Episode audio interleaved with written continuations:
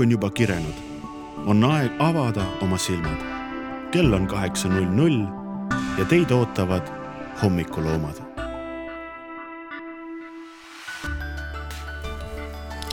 tere hommikust, Põltsamaa raadio, kell on tõepoolest saanud kaheksa null null. mina olen Samuel Aksel Maikalu ja ma ei ole siin üksi tere hommikust, tere hommikust. no väga tore on teid kõiki siin tervitada Põltsamaa raadio stuudiost. meil on äh, viimane kolmanda hooaja raadiopäev ja tunduski, et seda oleks sümboolne lõpetada siin ühiselt äh, mina ja Samuel. Äh, ehk et saamegi rääkida, kuidas meil siis kolmas hooaeg läks, mis meil meelde jäi milliseid rõõme ja muresid selle kaheteist päeva jooksul äh, tuli üle elada ja milliselt, äh, kuidas läksid ettevalmistused, nii et teeme siia algusesse siukse toreda tagasivaate hoopis. jah, aga me lubame, et me ainult sellest ka ei räägi, et ei ole kolm tundi ainult raadiojuttu. just, ei ole. no aga Samuel, mis siis äh, sinu jaoks seda kolmandat hooaega meenutama jääb? No kui ma mõtlen selle peale, siis suurim edasiminek on vast see ikkagi, et kui me varem olime ainult seitse päeva eetris, siis nüüd olime koguni kaksteist. nii et peaaegu kaks korda kauem. ja ma ütleks, et see on äh, tubli saavutus. ja see on tubli saavutus, aga eks ta oli ka mingit pidi pingutus, et äh, leida siis äh, viis päeva rohkem uudiseid ja, ja teha nii mõnigi saade numbri mõttes nagu suurem arv kui varem ja noh loomulikult ka sisu poolest tuli siis äh, rohkem pead murda, et, et mida siis teile, head kuulajad, äh, kõrvu võiks jõuda. just selles mõttes tagasiside on väga oluline ja ega see meie kultuuriruumis ei kipu nii lihtsasti tulema. pigem öeldakse siis, kui midagi halvasti on ja selles mõttes see tagasiside on ka igati oodatud. aga me ootame igati kriitikat, nii konstruktiivset kui ka mittekonstruktiivset kriitikat. nii et äh, pange oma sulg suitsema ja ja saatke kirjad meie poole teele. jah, meid äh, saab kätte poltsamaraadio at gmail.com sellise elektroonilise postkasti kaudu, et kuskile meile päriselt vist kirju pole veel saata, aga, aga meilitsi saab küll meiega kontakti. aga mis sulle tundub nagu selle poolest, et äh, mis saade nagu eriti meelde jääb sellest korrast, on sul mõni selline hetk? no minu jaoks äh, tead, ega, ega ei saa niimoodi võrrelda, selles mõttes kõik on erinevad. eks kui vaadata justkui noh, mingisuguse sellise mm, noh, ma ei tea, kraadi mõttes või niimoodi, et, et kus me nagu pingutasime, sõitsime näiteks Viljandisse, et Viivi Luigega teha üks selline intervjuu. et see oli minu jaoks selline huvitav, huvitav kogemus. et oli ikkagi, see oli, see oli vist ainukene saade ka, kus ma kedagi teietasin. vot tavaliselt ma olen leppinud kõigiga, et niimoodi sina peal, et et on ta siis äh, endine vallavanem või suurettevõtte juht. ikkagi noh, väike koht ja lepime kokku, et sinatame, aga see oli siis ainukene koht, kus ma kedagi teietasin. aga see oli tore intervjuu, jah. minule on tundunud nagu ma nüüd küll ei vasta päris sellele küsimusele, mis ma ise sulle viskasin, aga mulle tundub, et kui kolmas hooaeg hakkab läbi saama, siis järjest rohkem hakkab ennast õigustama järelkuulamise funktsioon meie raadios ehk et äh, kui minna poltsamaraadio.ee veebilehele, siis kõik need jutud ja saated, mis me siin oleme eetrisse lasknud, on äh, järelkuulatavad. ja paistab, et kui me eelmine suvi tulime, siis oli see nagu äh, suur hurraa ja see tunne, et mis asi see nüüd on, nagu veel tugevam võib-olla, et nüüd on nagu osa kuulajaskonnast juba harjunud, et selline raadio siin hooajaliselt toimetab ja siis oodataksegi pigem seda sobivat hetke, et siis endale meeldival ajal need saated järgi kuulata.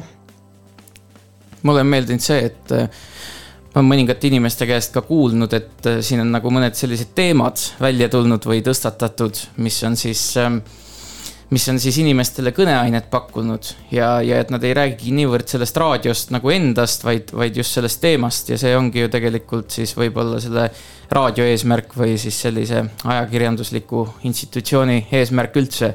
et me oleme justkui niimoodi selline taust või selline raam, mis, mis aitab siis mingisuguseid teisi asju või inimesi esile tuua. ja ma olen sellega täiesti nõus ja noh, see oli ju üks äh, selline motivatsioonidest ka seda asja luues, et me, mida me arutasime enne, kui me päriselt esimest korda eetrisse läksime, et mida see raadio võiks pakkuda. Et see võiks ühelt poolt liita kogukonda, aga loomulikult igast äh, edasiviivast arutelust ei jää puudu ka vahel mõned erimeelsused või, või arut-, noh, ütleme siis välja, vaidlemised ikkagi, et äh, kui neid tuleb äh, teha ühiselt ühel laval, olgu selleks siis näiteks Põltsamaa raadio, et siis see on edasiviiv. ja see on nüüd see koht ka, et kui kuulajatel on mõningaid teemasid välja pakkuda, mis nad arvavad, et vääriks niimoodi väljatoomist ja, ja avalikult arutamist, siis eh, ka nendest võib siis meile teada anda. ega me ise ka kõige kohta ei tea või, või isegi kui teame, siis kõige peale ei tule niimoodi kohe. jah, ja muidugi üks asi võib-olla väärib sellist nagu äh, mõru magusat mainimist, et äh, ma arvan, et võis sellelgi hooajal olla tunda hetki, kui äh, raadio näiteks äh, kas siis korraks katkeb või lülitub mõne aja pärast tagasi. et need on kõik kasvuraskused, ütleme nii, et meil äh, lihtsalt tehniliselt paaril korral internet vedas alt ja midagi pole parata. ikkagi raadio toimetamiseks on see ülioluline komponent. jah, aga sellegipoolest, et oli nagu näha seda, et me ei ole üksi ja kohe selles mõttes kiiresti reageeriti. Et, et see ongi ju selles mõttes tore olnud, et meie oleme tulnud, hakanud niimoodi oma sellise, mm, sellise power'i või initsiatiivi pealt tegema, noh, noored inimesed, eks ole, võib siis niimoodi sellise noorusliku energia pealt igasuguseid asju teha. aga siis äh, ma ütleks seda, et äh, küll terve selline noh, see kogukonna pool või, või siis paljud inimesed on olnud väga vastutulelikud ja on meile igati nii nõu kui jõuga algusest peale abiks olnud. et seda ei saa kuidagi alahinnata. ja ma arvan, et siia meie raadiomõtiskluste jätkuna sobiks üks tore Eesti bändi laul. see on Rock Hotell ja neil on selline selline laul nagu Vana raadio. et võib-olla ühel päeval me saame ka öelda, et äh, me, me oleme ka juba üks vana raadio, et praegu meil on alles, praegu me oleme sellised noores eas alles, kolmas hooaeg. just, aga kuulame siis äh, Rock Hotell, Vana raadio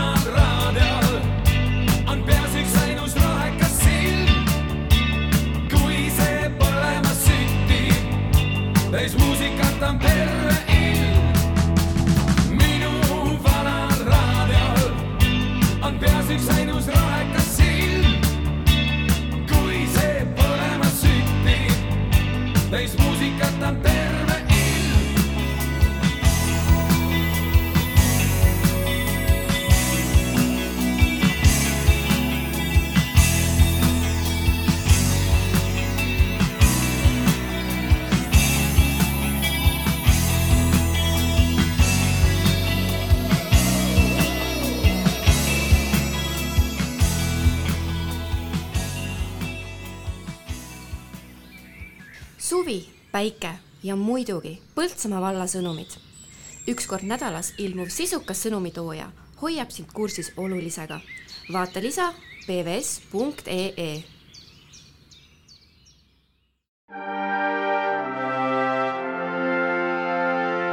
Kesk-Eesti võimsaim maamärk Põltsamaa loss ootab sind külla iga päev kella kümnest kaheksateistkümneni. tule uudiste ajalugu Põltsamaa muuseumis, naudi suvejooke Põltsamaa veinikeldris ning külasta käsitöökodasid, näituseid ja kaunist kirikut.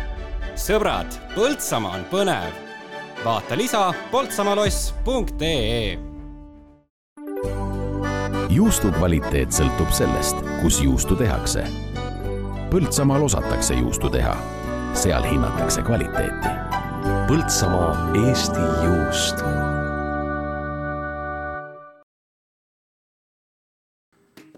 Otsid tublit kõhutäit või karastavat joogipoolist või soovid hoopis vaadata Põltsamaa jõe ääres päikeseloojangut. ole sa mudilane või seenior igal juhul ootame sind Põltsamaa verivärskesse suvekohvikusse, Papajasse, aadressil Veski viisteist, kohe Ripsilla kõrval. näeme Papajas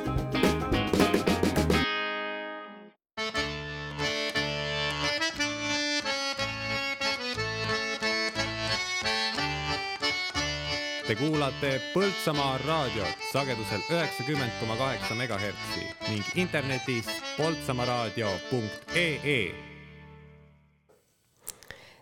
tere hommikust, Põltsamaa ärkaja oled kerinud ennast Põltsamaa raadiolainele. mina olen Eeva Nõmme ja meie koos Saamuel Aksel Maikaluga täna siin kolm tundi teiega hommikul meelt lahutame ja koos ärkame.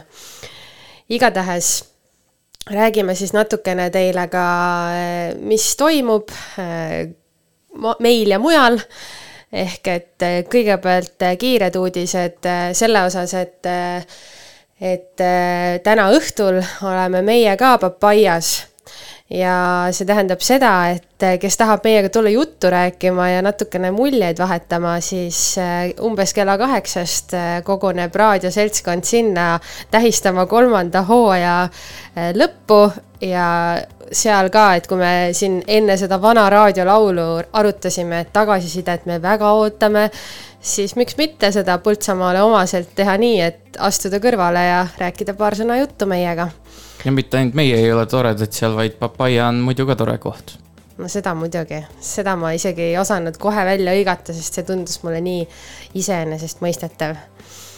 aga kui ma alustasin juttu sellega, et uudiseid meilt ja mujalt, siis äh, vaatame, mis naabermaakonnad teevad ja ma olen siin kaasa tarinud mõned ajalehed täna hommikused, reede, kaheksas juuli ja vaatame, et Tartu Postimehe kaanelugu on täna valitud selline, et et tuhat tudengit nõuab taskukohast sööklat, Tartu Ülikool murrab pead.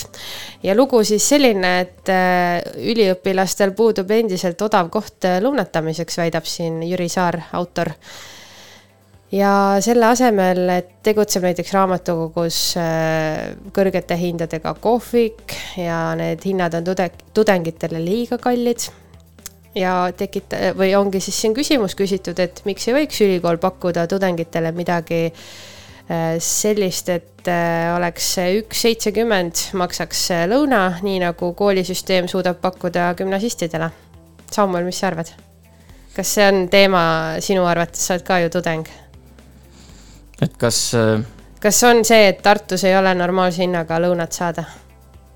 ma ei tea ega seda on raske öelda, mina olen harjunud sellega, et ma ostan poest omale toitu. ega kui ma ülikoolis käin, siis, siis ega ma ei söö ka seal väga. sellepärast, et söömine on ikkagi tead selline, see on minu jaoks, kes mind vaatab ka, siis mul on seda äh, toidu jaoks seda ruumi rohkem ja, ja söömine on selline mõnus tegevus, et sa istud ikkagi maha, tunned ennast turvaliselt. aga vot, ülikoolis ma pigem siis käin, äh, käin neid, seda tööd tegemas, seal on ikkagi raske töö aga vot ma ei oska seda kommenteerida, mul ei ole absoluutselt ise seda kogemust olnud ja ma ei ole kuulnud, et äh, teised ka selles mõttes kurdaksid. No paneb mind nagu imestama, et eh, neid ei ole üks ega kaks, vaid siin esikaanel poseerib ikkagi eestvedaja, väites, et tal on tuhat toetajat, see on juba nagu asi, mille peale peab ka ülikooli juhtkond siis eh, pead murdma, et petitsioon on jõudnud meieni ja mõistame, et üliõp- ja mõistame üliõpilaste muret, arutleb siin siis ülikooli kantsler Vallimäe ja noh, ma ei kujuta küll ette, kus seal Tartu kohvikute mekas mahuks veel mingisugune tohutu suur söökla. aga seal uues Delta hoones, mina ei ole seal ise käinud, aga, aga mul nimelt tädi elab seal kohe lähedal ja tema ütles, et äh, tema käib mõnikord seal ka söömas. et seal pidi nagu päris hea hinnaga saama kõhutäie. no mitte küll nii hea hinnaga, kui meil siin näiteks Puuristi söögimajas, eks, aga, aga ikkagi võrdlemisi normaalse taskukohase hinnaga nojah, samas Tartu Ülikooli või sealsete hoonete paiknemine on juba ise üks selles mõttes äh, peavalu, et ega siis ühe sööklaga asja ei lahendaks. Sest et majad on ju nii laiali mööda linna ja igaüks ei hakka pikka teekonda ette võtma, et kõhtu täis saada, ma arvan. aga jah, sellised mured siis Tartus enne uut kooliaastat. Ega nad pooleteise kuuga vist uut sööklat püsti ei pane, aga igatahes äh, tunnevad tudengid, et ülikool peaks neile natuke odavama lõuna pakkuma. nojah, aga samas kõik grupid alati võib-olla tunnevad, et, et neile peaks mingisuguseid asju siis odavamaks tegema või, või, või kuidagi neid toetama veel rohkem. et tegelikult meil on ju ikkagi hea seis sellega, et, et meil on kõrgharidus on tasuta ja, ja näiteks äh, ühikakohtades elamine on ikkagi päris soodne ja tehtud, tehtud selliseks väga, väga nagu sõbralikuks. Nii et ma arvan, et võib-olla seal suuremaid probleeme polegi, aga eks aeg-ajalt natukene kärada tuleb ikka. ja igaüks saab ju mõeldagi, et midagi ise endale kaasa teha siis taskukohasemalt, et see enda lõuna kaasavedamine on minu arvates päris populaarseks saanud, ma näen isegi töö juures seda, et tegelikult päris paljud teevad endale nagu äh, lõuna kaasa. Aga kas see on nagu mingisugune fenomen siis, et peab kuskil väljas käima söömas või midagi, noh, kas, kas just nagu tööpäeval, aga, aga ma mäletan, tuleb meelde, et siin kunagi mingisugused inimesed rääkisid, et et oi, näed, meil on nii suur pere ja et ja et meil on rahaliselt nii kitsas, et me ei käi isegi nagu väljas söömas enam. Et noh, ma ei näegi, et see on mingisugune eesmärk omaette oleks, et nüüd väljas söömas käia või, või, või kuidas sina seda näed, kuidas sind ümbritsevad inimesed, et kas see on mingi sihuke must be, et peab siis äh, väljas käima kuskil restoranis või, või kohvikus niimoodi, et minu, mina olen alati pidanud seda oma lõuna varianti kuidagi normaalseks, et siin, siinkohal tuleb tänada võib-olla mu vanaema, kes on äh, selle traditsiooni niimoodi algatanud, et igale poole võikusid ise kaasa teinud? no ma arvan, see oleneb täiesti, ongi sellest nii-öelda kodust, et meie äh, restoranidest rääkides, ma ei tea, võib-olla keegi tunneb iseennast ka ära, aga mul on siiamaani sisse jäänud niisugune komme, et no kui me juba restorani tulime, siis ikkagi tuleb see tellitud toit proovida ära süüa, et jumala eest järgi ei jätaks seda ja see on nagu väga naljakas, et mul vahel siiani on see, et tegelikult on kõht juba hirmus täis ja ma ikka ei, enam ei jaksa seda süüa, aga see on kuidagi selline sisseõpetatud eh, komme. Eh, mis, ma olen ise päris suur väljassööja, ma arvan, et kui mul on tavaline tööaeg, siis ma ikkagi ka Tallinnas elades eh, peamiselt, siis ma ikkagi iga lõuna mm, peaaegu söön väljas aga võib-olla see kodune toit tuli ikkagi selle pandeemia ajaga ka rohkem siis moodi või kuidas sina, sina ütlesid? no sina näed rohkem seda peent office life'i seal, et.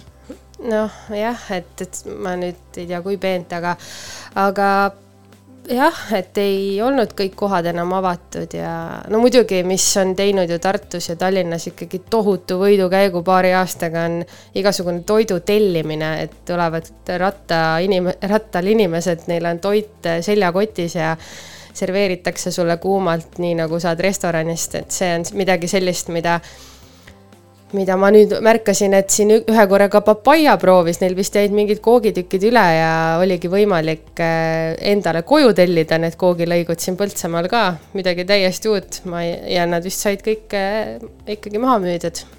no loodame, et äh, said jah. aga kusjuures mina olen küll näinud näiteks tudengite seas seda, et et võetakse isegi niimoodi, tuuakse noh, vaata need plastmasskarbid on see üks asi, aga öeldakse, et kui sa sinna sooja toidu sisse paned, et see plastmass siis natukene sulab sulle sinna sisse, et see võib siis nagu tervisele natukene kahjulik olla. aga samas, äh, no ma ei tea, ma olen näinud isegi, et purgis tuuakse niimoodi seda kaasa et võib-olla niimoodi kümme aastat tagasi oleks vaadatud, et näed, kui nõme, et sa tuled niimoodi purgiga, et sa näitad justkui, et sa oled vaene, aga tänapäeval see on nagu, nüüd see on nagu hipster, et sa võtad purgiga kaasa, nii et äh, siis võib seda teha, endale lubada. Jah, peaasi, et ju kõht täis saab, aga. Lähme siinkohal äh, uuesti väikesele muusikalisele pausile ja meile kõlab selline itaaliakeelne laul nagu Parole, parole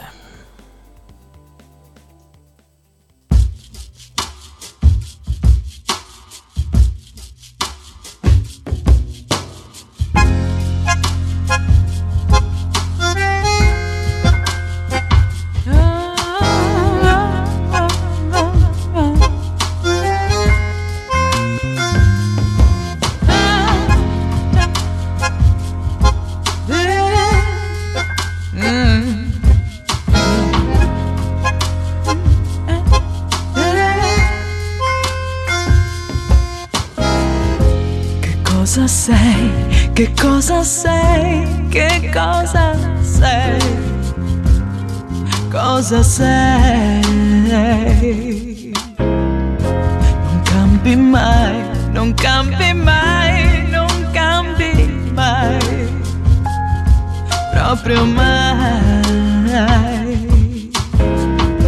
Adesso ormai ci puoi provare, chiamami tormento dai già che ci sei.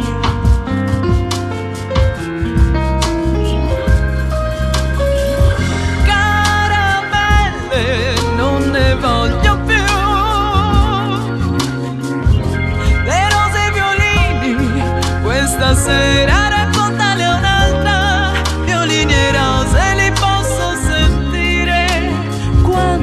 cosa mi va se mi va quando è il momento e dopo si vedrà. Parole, parole, parole,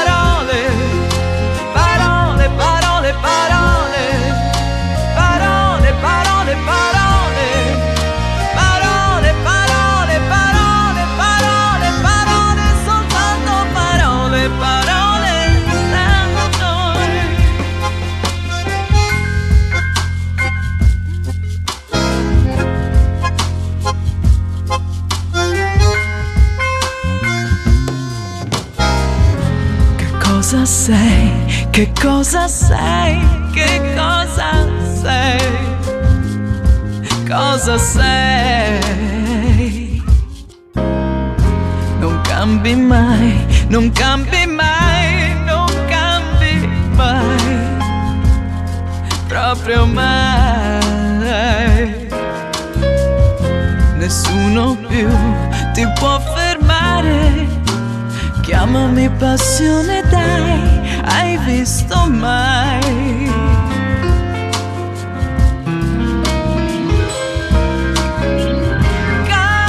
Caramelle, non ne voglio più.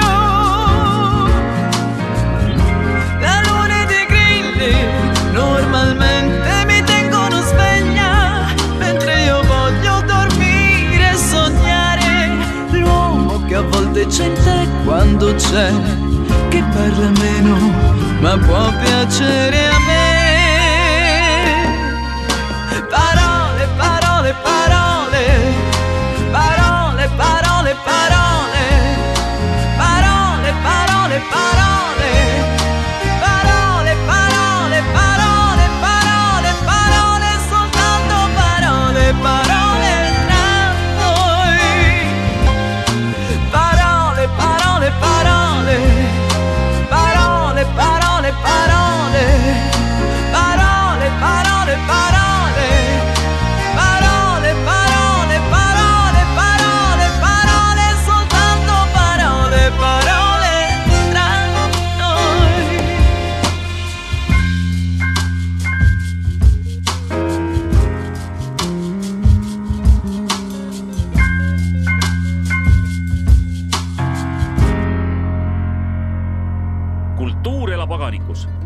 Viies kuni seitsmes august toimub Eesti kõige ägedam maakultuurifestival, Oisu Aganiku festival. päevad on täidetud põnevate tegevustega nii suurtele kui väikestele. avatud on vanatehnika näitus, lastele põhuala, saab näha ehedat rehepeksu, lüpsta lehma, teha võid ning palju muud põnevat põhulaval astuvad üles väikeste lõõtspillide ühing, Puuluup, Curly Strings, Sänni Noormets, Amor Trio ja teised. kuuendal augustil võõrustavad Oisukandi inimesed külastajaid Oisukandi hoovipäeval. piletid müügil Piletilevis Põltsamaa kiriku tänuüritus viieteistkümnendal juulil kell üks Põltsamaa Niguliste kirikus. sõna saavad president Alar Karis, peapiiskop Urmas Viilma ja mitmed teised kontserdil esinevad ansambel Vox Clamantis ja Põltsamaa muusikakooli kammerorkester. lossihoovis avatakse kiriku taastamise näitus. ürituse lõpetab ühine rongkäik Roosisaarele, kus toimub ühislaulmine. viieteistkümnendal juulil algusega kell üks Põltsamaa Niguliste kirikus täna õhtul kell kuusteist kolmkümmend loosikasaade. et võita, jälgi Põltsamaa raadio sotsiaalmeediakanaleid nii Facebookis kui ka Instagramis. kas oled kuulnud Põltsamaal linna ääres paiknevast pikaaegsest ettevõttest? puitprofiil, kvaliteetsed liimpuidust akna ja ukse detailide toorikud meie kodukohast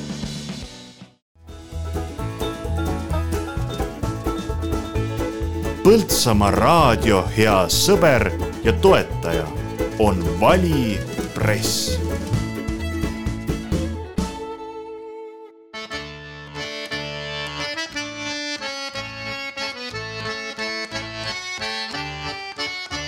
Te kuulate Põltsamaa raadiot sagedusel üheksakümmend koma kaheksa megahertsi ning internetis poltsamaaraadio.ee tere hommikust, hea Põltsamaa ärkaja, oled ennast kerinud Põltsamaa raadiolainele ja see tähendab seda, et me oleme juba pool tundi saanud arutada siin elust ja kuidas meil läheb, kuidas raadiol on läinud, mida Tartu inimesed mõtlevad ja tunnevad seal ülikooli linnas. Ja Samuel, mul on sulle nüüd paar küsimust. nimelt mina tegin sellise küsitlusakna iseendas ah seda me küll kokku ei leppinud, et no, nüüd mingisugune ristküsitlus no, tuleb. nii, niimoodi sa pead nüüd hakkama saama, tegin endale. see on otse-eeter ka ju ah.. loodame, et sa sassi ei lähe, ära, ära nüüd, ära nüüd eh, kohku. Igatahes küsisin ma siis enda sotsiaalmeedia lõimes siin juba mõnigi päev tagasi, et mis oleks need küsimused, millele kindlasti vastus peaks kõlama raadioeetris ja nendele küsimustele ei ole veel vastus kõlanud, nii et kuna meil on viimane päev ka, siis viimane aeg ka need ära küsida. Nii, ja esimene kõlab siit. kas pigem loobub ma ei tea, see on ikka nii loll küsimus, aga ma küsin siis. no aga küsi. ei, tegelikult ma küsin siit järgmise Ehm, no miks sa seda lolli küsimust ei küsinud siis? kas pigem loobuksid tagumiku pühkimisest või hammaste pesemisest, oli see küsimus. okei okay,, võtame järgmise küsimuse kas oleme e-riik, kui digiallkirjaks vajaliku dokumendi saamiseks tuleb tunde järjekorras seista? No vot, see on keeruline küsimus, ega see e-riik on niikuinii selline loosung, mida, mida siis pannakse nagu ette ja taha igale poole sellega ma olen nõus, aga noh, olles nüüd ise just vastu oma äh, ID-kaardile järgi äh, läinud, siis see oli ikkagi hull värk, ma ütlen. Tammsaare teeninduses Tallinnas oli, ja ma ei liialda, see oli ikkagi nagu sadades meetrites järjekord äh, uksest väljaspool. Ehk et äh, ma ei, ma ei äh, saagi täpselt aru, kuidas see süsteem seal korraldatud on aga olles väga austav kõigi nende raske töö tegijate suhtes, siis äh, ma alati usun, et inimesed teevad nii hästi, kui nad oskavad ja ju siis praegu on lihtsalt väga raske aeg. ega sama hästi võib küsida, et kas me oleme tõeline e-riik, kui, kui meie president räägib e-riigist ja siis Angela Merkel samal ajal tukastab. See on palju olulisem küsimus minu arvates. jutt on siis eelmisest presidendist nii, aga võtame järgmise. mm, kas kartulisalati sees peaksid olema herned? no kas, kas see on mingisugune eestistatud versioon sellest ananassi ja pitsa sellest värgist, mida igale, igale poole pannakse?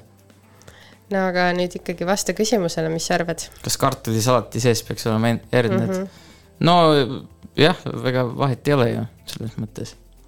no ma ei tea, ütle sina, mina, mina ei ole toidu suhtes üldse valiv, sa oled näinud seda ka siin selle nädala jooksul nii et ütle sina, kas peaks olema? mina arvan, et võivad olla. ma olen söönud sellel aastal, rääkides siis kartulisalatist, siis äh, meie peres ei tehta niimoodi kartulisalatit, et sinna käib ka värske kurk. Küll aga arvavad minu äh, osa sõpradest, et kartulisalati sees on nii, nii hapukurk kui ka värske kurk, selline täiesti suur üllatus minu jaoks, nii et aga proovisime ja täitsa hea oli. ei, väga sisukas ja oluline küsimus, et aitäh, et kes selle iganes pani. nii, järgmine küsimus. milliseid kummituse kogemusi teil ja raadiokuulajatel on olnud? oo, see on küll põnev. tead, vaata eelmine hooaeg, talvel oli selline külm ilm ja siis see liikumine oli ikkagi selline palju keerulisem ja, ja siis äh, meil oli, polnud veel nii palju liha luudel ja siis ma magasin mõned ööd siin lossis ju.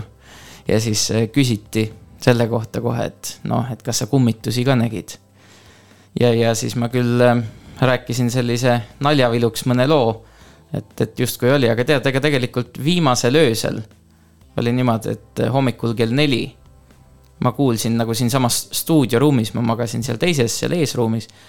ja siis ma kuulsin, et siin stuudioruumis oleks justkui, ma ei tea, mingisugune täiesti asi oleks nagu sihuke kilina-kolinaga täitsa nagu ümber kukkunud.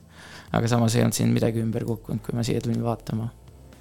ma olen olnud alati kuidagi nii, ma ikka pean ütlema nagu skeptiline, et ma arvan, et hirmul on väga suured silmad ja võib-olla mingitel hetkedel äh, näeme tonti seal, kus seda ei ole. samas, ega ma ju ka lõpuni ei tea, aga mul ei ole jah olnud nagu äh, seni mingisugust sellist lugu, mida rääkida. samas, olles nüüd siin lossiruumides, noh, siis siin ikkagi ma arvan, et võib täitsa tulla. vot ei kujuta ette jah, et äh, ma kunagi rääkisin äh, ühe noormehega sellest, et äh, mida üldse siin nagu maailmas uskuda siis, et kas on noh, mingisugused üleloomulikud jõud üldse nagu kuskil olemas ja selline vaimne maailm või kas see piirdub mateeriaga ja siis, ja siis te, tema oli nagu konkreetselt sellel arvamusel, et, äh, et ei, näed, ongi selline puhas mateeria, inimesel pole hinge mingisuguseid ähm, kõrgemaid jõude, jumalaid pole mitte midagi olemas, aga kummitused on kindlasti olemas, neid ma usun, neid ma olen ise näinud ka. Ja, niimoodi, asi oligi paigas, laks. Nii, aga mul on siin mõned küsimused veel, aga tahaks vahepeal ühe loo hoopis kuulata ja see ei ole lihtsalt äh, loo kuulamine, vaid siit tuleb nüüd sünnipäevatervitus, nii et äh, kõik, kes äh, on täna sünnipäeva tähistamisel, iseenda sünnipäeva tähistamisel nüüd siis kuulake korraks siia raadio suunas. meile on saabunud väga konkreetne sünnipäevatervitus ja väga hea meel on sünnipäeva puhul tervitada Tiia Kaeramaad, palju õnne, Tiia! jah, palju õnne, Tiia! see on äh, tore, et iga aasta sinu sünnipäev siis ka eelmine kord sattus niimoodi raadiohooajal, nii et juba teist korda, iga aasta samu inimesi. just, ja olgu siis juurde öeldud, et äh, palju õnne sünnipäevaks ja ilusat päeva tänaseks perekonna poolt, nii et perekond tervitab sind meie Põltsamaa raadio vahendusel. Ja soovi lauluks Tanel Padar ja Dave Benton Everybody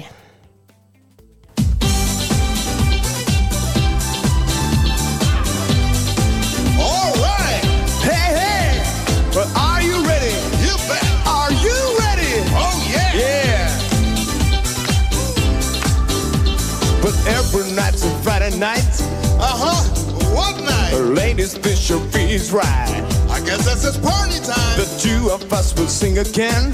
Two of us together again. The heart is young and we don't wear. Young and handsome, they say. Come on, Dave. So kick the sadness out the door. Kick the sadness out the door. And roll the carpet from the floor. Ha, carpet from the floor, yeah. So let the spirit hit the roof. I hit the roof, I hit the roof. The two of us will know the moves. Not even time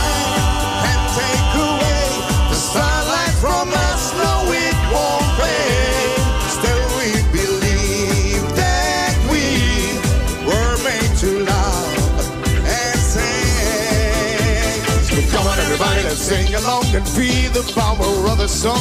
Come on, everybody, let's feel the spark that always lives in our hearts. Come on, everybody, and let it out and leave the moment here and now. Come on, everybody, go see the chance to feel so like to love. A little roller coaster ride. It's going for a ride now. Right into the serenade. Round and round and round we go. And leave the windows open wide. Wide open, they can stay now. I let the music inside. Uh-huh. Not even time can take away the starlight from us. No, it won't fade. Still, we believe that we were made to laugh and sing. Eh, eh, eh, Come on, everybody, let's sing along and feel the power of the song. Come on, everybody, let's feel the spark that always burns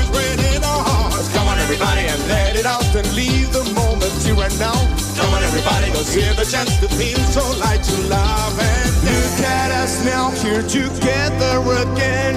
We started a long time ago. We knew back then the music within us could never, could never end.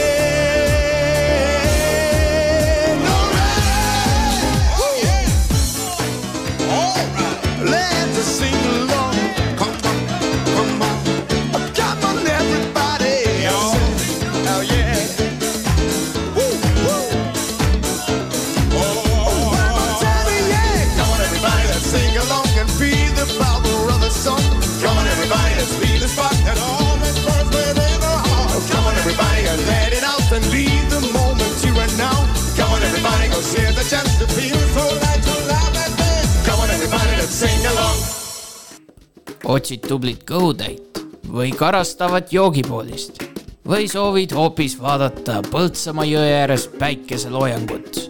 ole sa mudilane või seenior, igal juhul ootame sind Põltsamaa verivärskesse suvekohvikusse, Papaiasse, aadressil Veski viisteist, kohe Ripsilla kõrval.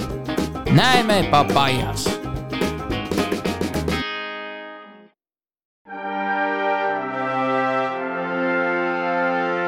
Kesk-Eesti võimsaim maamärk Põltsamaa loss ootab sind külla iga päev kella kümnest kaheksateistkümneni.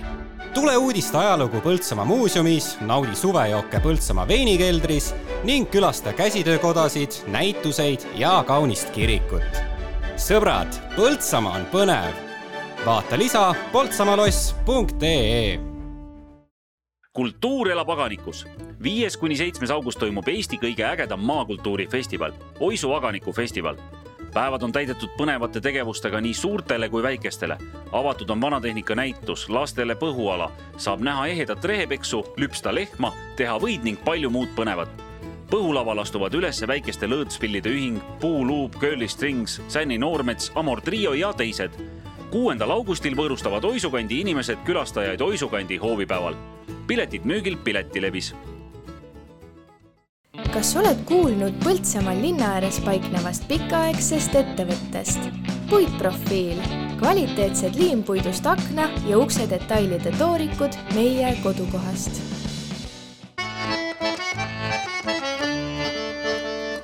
Põltsamaa raadio ja tere hommikust, te kuulate tõepoolest äh, Põltsamaa raadiot.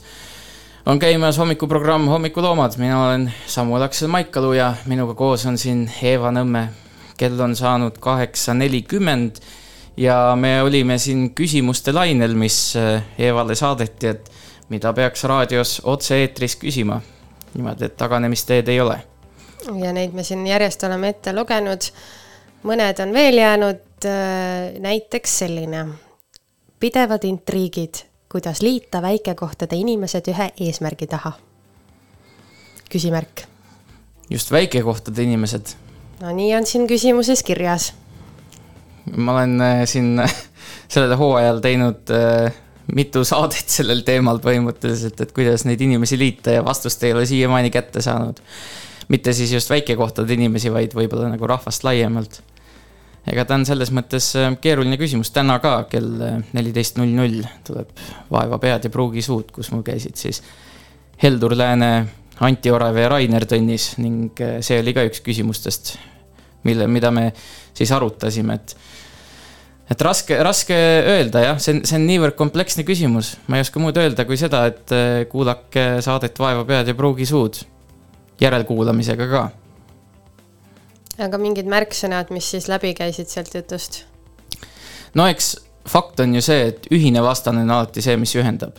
aga noh, seda me ju keegi selles mõttes ei taha või, või niimoodi, et me oleks nagu mingisuguses pidevas konfliktiseisundis või et või et äh, näed, et meil peab justkui mingisugune patuoinas olema, kellele siis kõik nagu ära, ära pühkida. aga võib-olla ikkagi mingisugune ühine identiteet. See on see nagu märksõna, mingisugused ühised väärtused, mis tuleb läbi mõelda.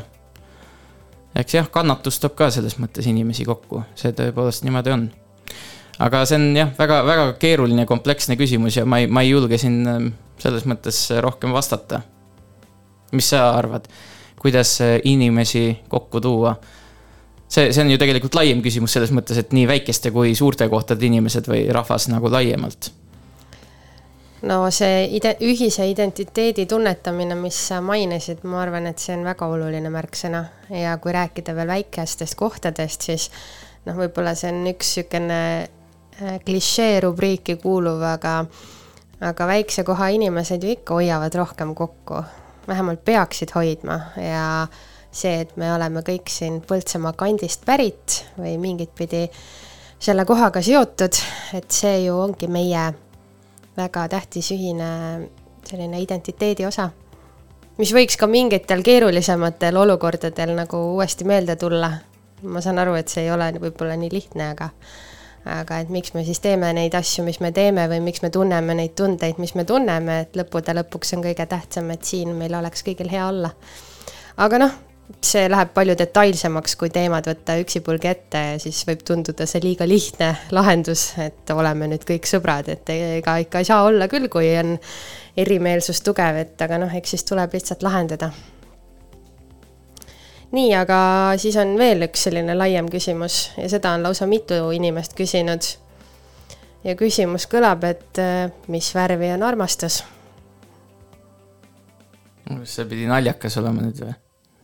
See oli lihtsalt selline küsimus oligi, mis värvi on armastus, kui sinu arust on see naljakas, no. ei, mulle tundus, et nagu keegi üritas, et ha-ha-ha, et ma panen selle küsimuse ja siis et pigem, pigem võtaks juba selle esimese küsimuse uuesti, et see, see tagumiku pühkimise oma või niimoodi. ei no tahad ise sellele midagi vastata? no sa võid lihtsalt mõelda, mis sulle sellega seostub. Ega, ega ei seostugi midagi. no ütle, mis sulle seostub siis sellega? no mina ikkagi, ma ei tea, võib-olla mul on praegu selline vanus aga mulle tundub, et kõik äh, väga sellel suvel ja eelmisel suvel ja järgmisel suvel, et kõik muudkui abielluvad. ja ka mina ise olen mitmesse pulma olnud nüüd kutsutud ja, või olen juba käinud nii mõneski. ja see on ju väga ilus, suvi ongi selline tore pulmade aeg ja mitte ainult suvi, tegelikult terve aasta äh,. igatahes selle, sellest inspiratsiooni võttes siis sihuke valge värv on minu arust väga ilus, aga ma arvan, et see värv on seal ikkagi lõppude lõpuks metafoor. et äh, ei saagi öelda ühe värvi nime.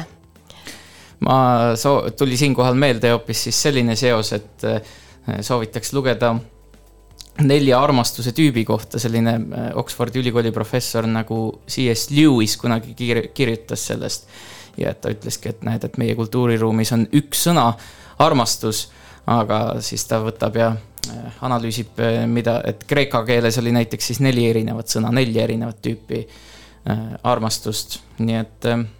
mis need neli tasu... olid siis, kas sa oskad öelda kohe ka, on sul meeles? vot mul ei ole praegu meeles, ma võtsin ta selles mõttes ette siin. aga vot ma jään, ma jään praegu äh, vastuse võlgu. Nel-, tegelikult ei jää ka, neli neli tüüpi armastust on siis need kreeka keeles olid, olid ähm, agape, mis on siis äh, kõige kõrgem, ennast ohverdavam armastuse vorm, siis äh, vabandust nüüd, kui keegi kreeka keelt oskab, siis vabandust mõelduse pärast, aga, aga storge on siis äh, vanemlik armastus, mida vanem tunneb oma laste vastu. siis on filia, mis on siis sõpradevaheline ja selline võrdsete osapoolte vaheline armastus. ja siis alles jõuame Erose juurde, mis on siis ka selle, ühe selle jumala nimi, Vana-Kreeka jumala nimi, kes seal ringi käis ja siis naisi võrgutas. ja see on siis selline erootiline ja kirglik armastus alles. vot, sellised on siis need armastuse tüübid. nii et jõudsime, mis värvi on armastus küsimusest nelja armastuse tüübini ja mina rääkisin, et on suur pulmade periood käimas ja ma siia hommikul sõites rattaga mõtlesin, et no nii palju laule on ju sellest äh, armastusest inspireerituna kirjutatud. aga mulle väga meeldib üks Eesti laul. ja ma olen mõelnud selle sõnumit ühe nurga alt ja teise nurga alt ja ma nüüd sinu selle nelja armastuse tüübi osas ei oskagi öelda et millist tüüpi see siis kõnetab, aga igatahes tundub mulle, et tegu on väga ilusa armastuse lauluga. Äh, ja see on Liisi Koiksoni esituses, kuulame kõik koos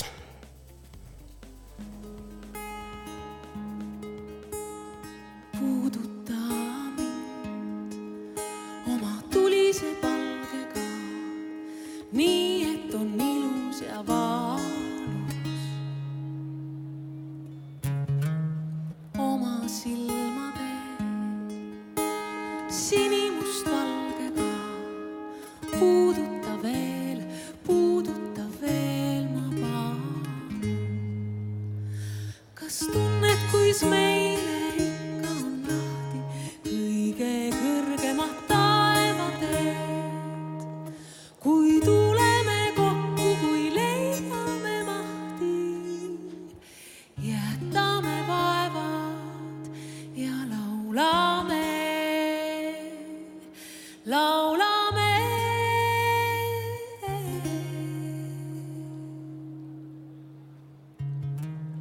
rue.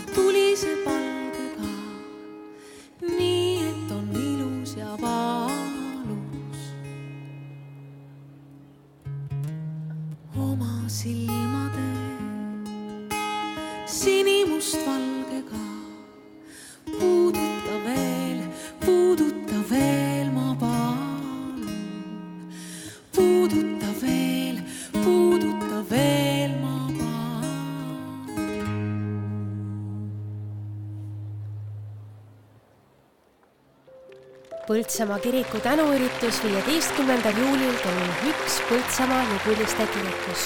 sõna saavad president Alar Karis, peapiiskop Urmas Viilma ja mitmed teised. kontserdil esinevad ansambel Vox Clamantis ja Põltsamaa muusikakooli kammerorkester.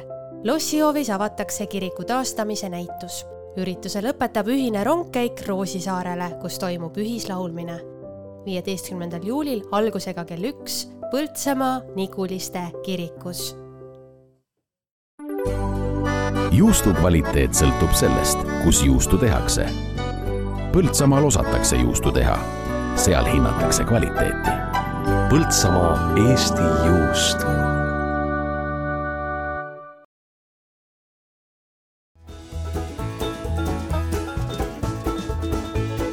Põltsamaa raadio hea sõber ja toetaja on Vali Press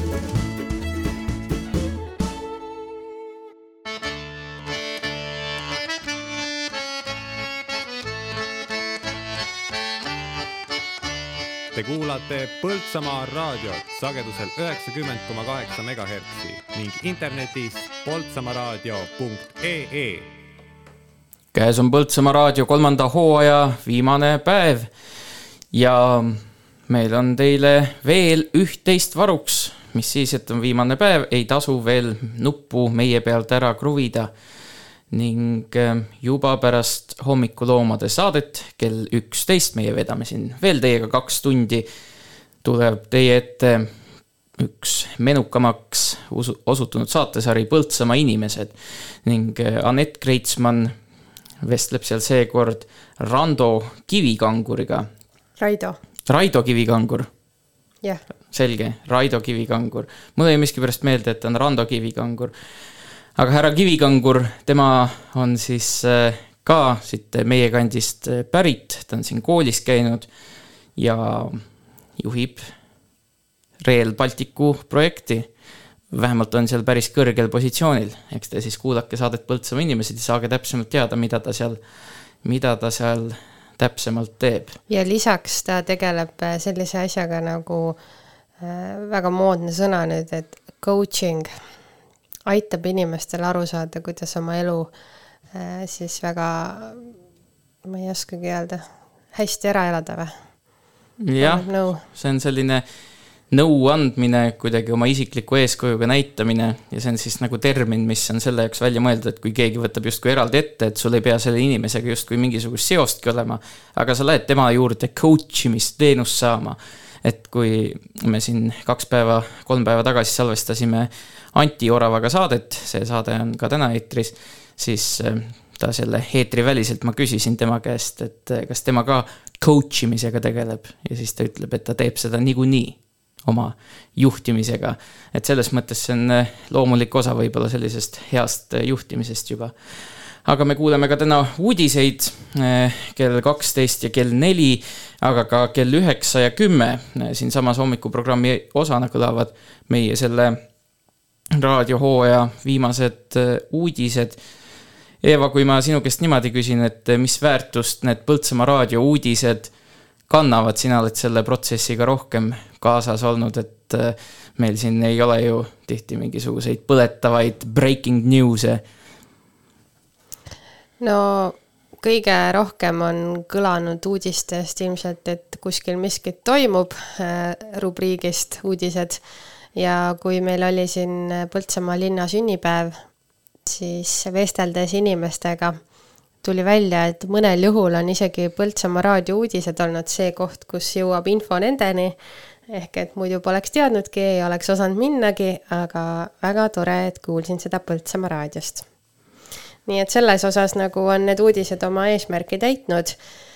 ja noh, mingis osas kui veel mõelda, millised need uudised on olnud, siis on ametikohti, mis on, otsivad endale täidet, on ka erinevaid, ma ei oska öelda, noh, mingeid siukseid muudatusi vallas toimunud, mida me oleme kajastanud, et eks see ole olnud üks paras pusimine, aga väga tublid on olnud meie väikene uudistetoimetus, Johanna Järva, Kätlin Toom, Grete Koho, Eliise Kuus, nii et äh, tervitused teile, väga tublid. jah, uudiseid me mõne minuti pärast juba kuulame, aga viisteist minutit pärast kahtteist tulevad meil siia otse-eetrisse ka mõned külalised, nimelt on oodata vallavanem Karro Külanurme ja Taimi Lutsarit.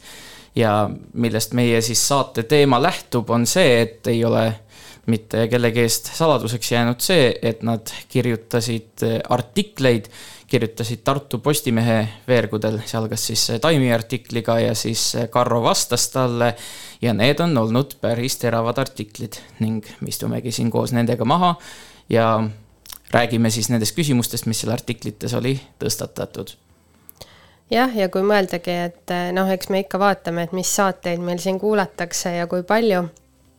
et kui Saamuel rääkis enne, et, et on menukas Põltsamaa inimeste saade olnud, mis tõesti nii ka on, siis teine, mida väga palju kuulatakse, ongi see allhoovus siis, kus täna on külaliseks Karro Külanurm ja Taimi Lutsar, nii et äh, eks te siis kuulake, kui mitte otse, siis järelkuulamisest.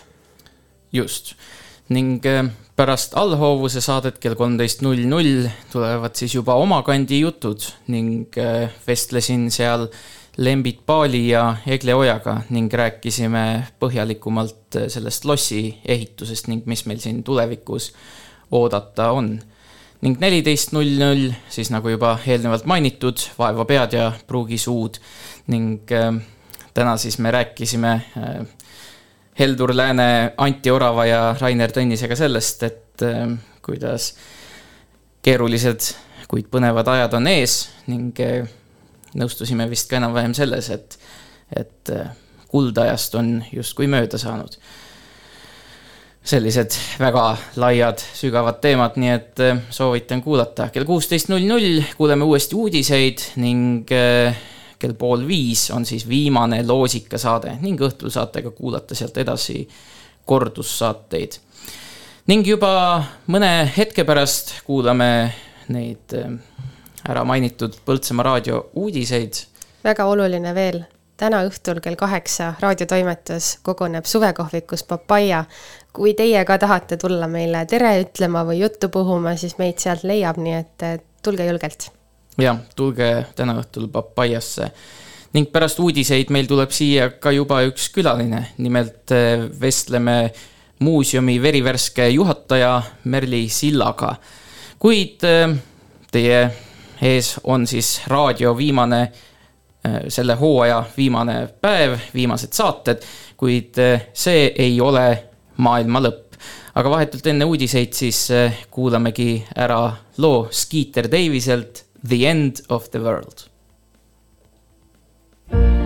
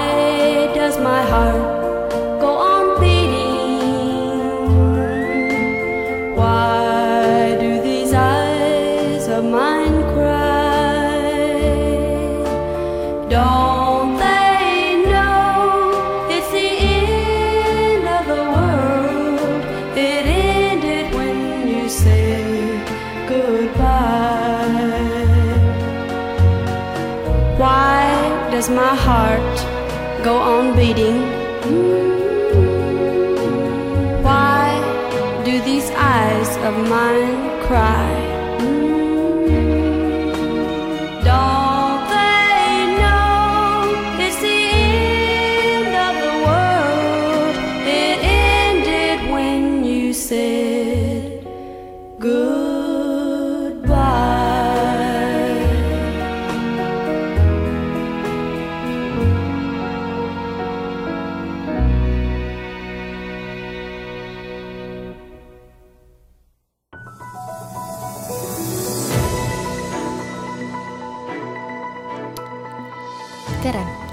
on Põltsamaa raadio uudised, stuudios uudistetoimetaja Johanna Järva. kahekümne kolmandal juulil toimub Kamaris supifestival. kiriku taastumine viieteistkümnendal juulil. kolmeteistkümnendal juulil toimub Wake pargis loodusspa. täna lõpetab Põltsamaa raadio oma tegevuse kahekümne kolmandal juulil toimub Kamaris Haridusseltsi majas esmakordne supifestival. supifestivali idee autor on Indrek Eensalu, kelle sõnul kõnetab toit kõiki ja meie kodukohas ei ole veel toidufestivali. suppe valmistavad ja pakuvad erinevad meeskonnad. Toimub publiku lemmiku supi valimine. meeskondadele antakse võimalusi suppe teha ka kohapeal. päeva jäädvustab Ave Nahkur ja üleval on ka Ave Nahkuri tööde näitusmüük. päeva juhib Tanel Talve. kella neljast esinevad Naised köögis, kell seitse Simman, Väikeste lõõtspillide ühing ja Udo bänd. tavapiletid eelmüügis kaheksa eurot, kohapeal kümme eurot. eelkooliealised lapsed tasuta, räägib Indrek Eensalu ühesõnaga igaüks võib tulla, valmistada endale meelepärase või enda oskustele või mis iganes kriteeriumide all supi, sest parima valib rahvas selles mõttes, kes seal on.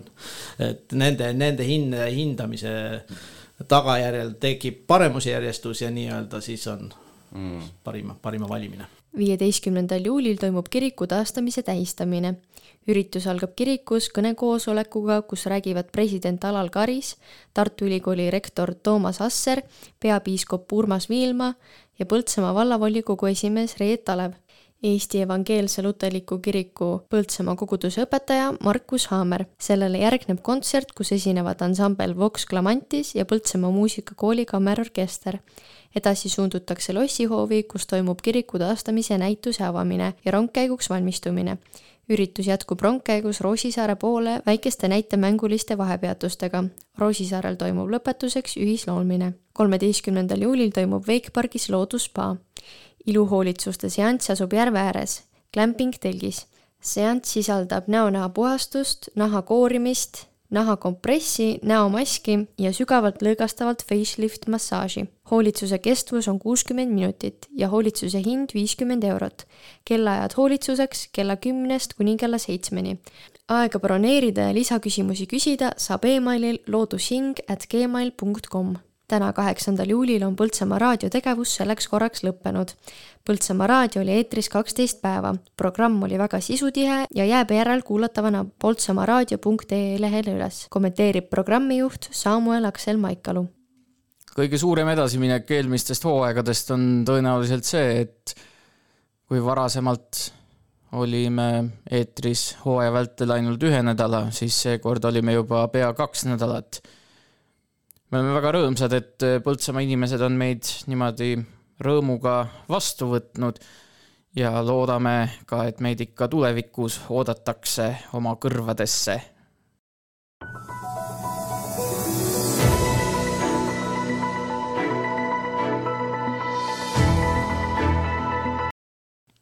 Mina olen toimetaja Karoliine Moross ja ilm.ee andmetel on kaheksandal juulil vahelduva pilvisusega ilm, sajab laialdaselt vihma, õhtupoolikul on võimalik äike. puhub lõunakaare, saartel ja läänerannikul valdavalt põhjakaare tuul kolm kuni kaheksa. rannikul ajuti puhanguti kaksteist meetrit sekundis. õhutemperatuur on seitseteist kuni kaksteist kraadi, Kagu-Eestis kuni kakskümmend neli kraadi. Tallinnas on kuusteist kraadi, Tartus ja Võrus kakskümmend kraadi Kuressaares seitseteist kraadi, Viljandis ja Põltsamaal üheksateist kraadi, Jõhvis ja Raplas kaheksateist kraadi.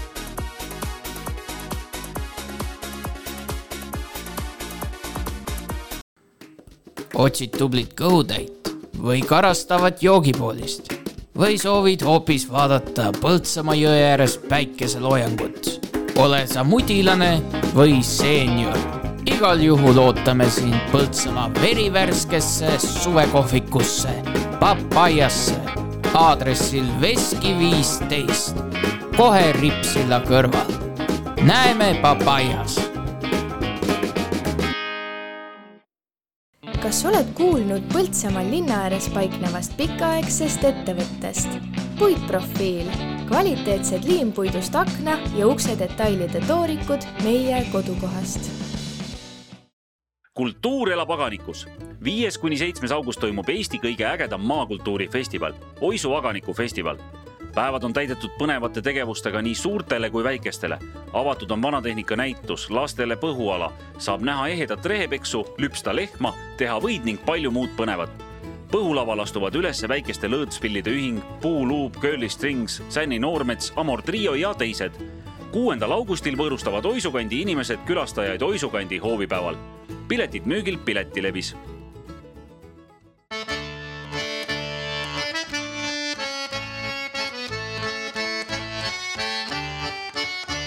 Te kuulate Põltsamaa raadiot sagedusel üheksakümmend koma kaheksa megahertsi ning internetis poltsamaaraadio.ee.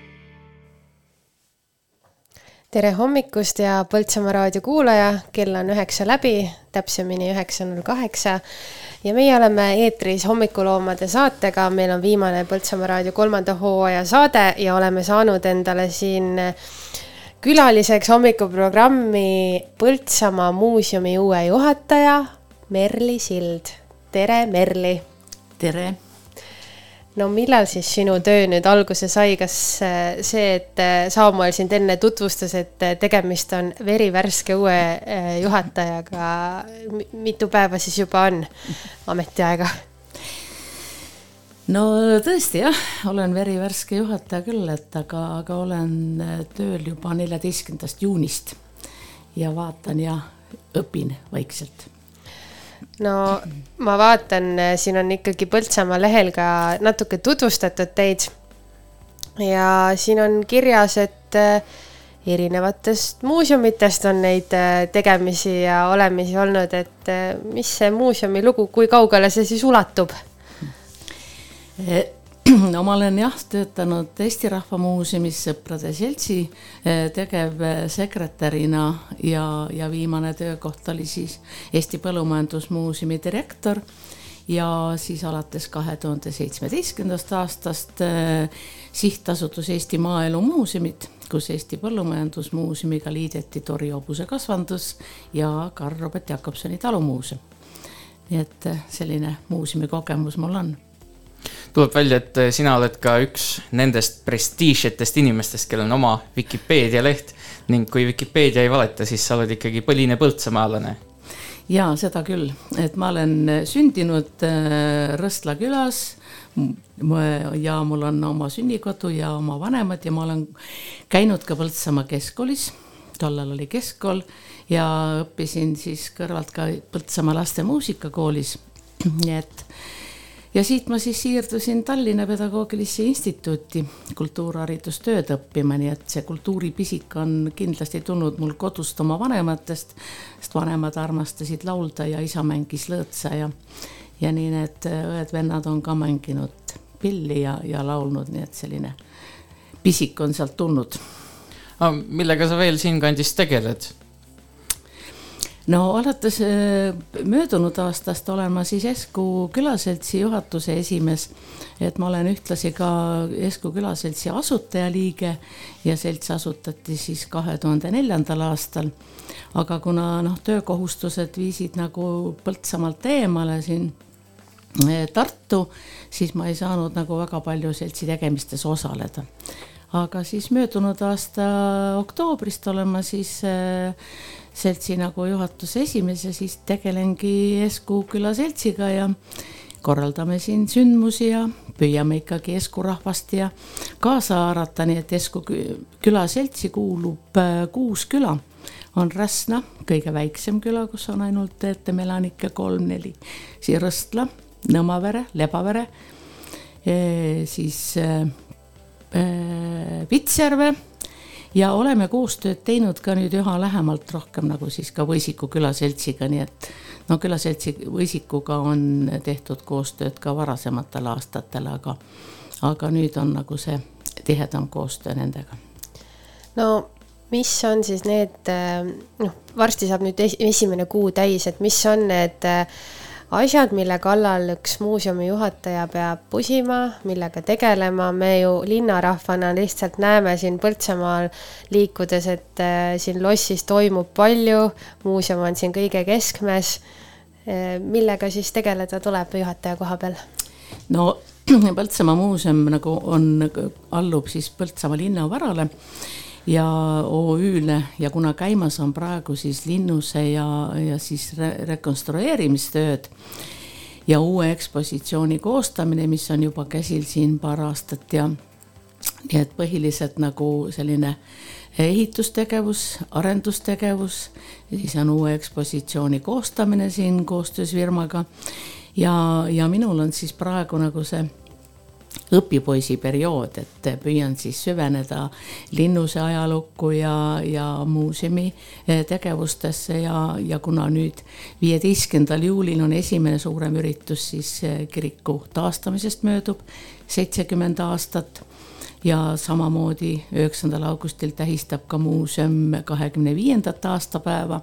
nii et ka kahekümne viienda aastapäeva programmi kokkupanek on meil nagu päevakorral ja ma arvan, et igapäevased tegevused, et külastatavus on väga aktiivne ja väga palju käib külastajaid, nii üksikkülastajaid peredega kui ka tellitakse egiidi ekskursioone, nii et kõige kaugemalt külalised olid siin nädal aega tagasi Kolumbiast et, et selline aktiivne ja, ja pidev liikumine, et kuna meil on ka suveniiripood ja, ja tutvustame siin seda kihelkonna ajalugu ja meil on ka veinikelder, mis on koos äh, muuseumiga, nii et tegevusi jätkub ja, ja päevad mööduvad väga kiirelt, et ei jõuagi kõike teha, mida sa oled hommikul plaaninud, et aga no see on, ütleme kultuuritöös tavaline, et hommikul tuled, mõtled, seda teen, aga, aga kõik on poole tunni pärast kõik teistpidi sa juba mainisid ka, et olid pikalt seotud Eesti Põllumajandusmuuseumiga. aga kuidas Põltsamaa muuseum siis erineb sellest äh, Põllumajandusmuuseumist, see sisuline töö, et äh, hoopis teine ajalugu ja, ja nii edasi mm? -hmm no Põllumajandusmuuseum jah, nagu teate, tasub Ülenurmel endises Ülenurme mõisas, nii et taas mõis et äh, Põllumajandusmuuseum on nagu keskmuuseum oma valdkonnas põllumajandusest, nii et sellist äh, sügavuti minevat teist muuseumi nagu äh, Eesti Vabariigis ei ole. ja, ja me nagu olime sunnitud nagu koostama sunnitud, aga me peamegi tutvustama seda põllumajanduse arenguid ja, ja toimuvaid sündmusi, nii et läbi aastate, läbi ekspositsioonide, nii et meil peaaegu üle kahe aasta me valmistasime uusi ekspositsioone, nii et ja mis olid nagu teaduslikult ka läbi töötatud, ka linakasvatus, linnukasvatus, mesindus, siis ülevaade kogu eh, põllumajanduse ja maaelu arengust, mis võitis ka kahe tuhande kümnendal aastal muuseumi Roti auhinna. ja eks siis nende näitustele eelneb kindlasti hoonete re renoveerimine ja Ülenurme mõisa hooned on samamoodi eh, nüüd kõik renoveeritud ja nendesse hoonetesse on siis avatud ja paigaldatud ka kõik ekspositsioonid.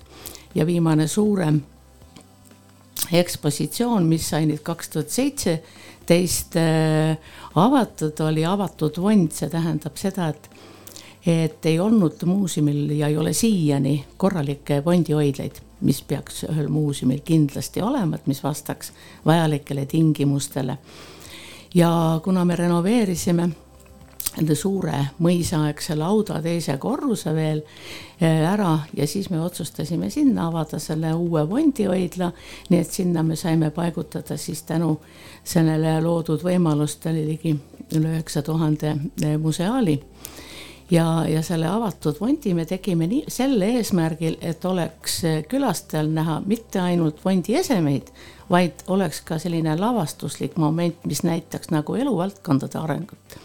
ja selle siis me avasime, kui toimus rahvusvaheline põllumajandusmuuseumide kongress Eestis kaks tuhat seitseteist.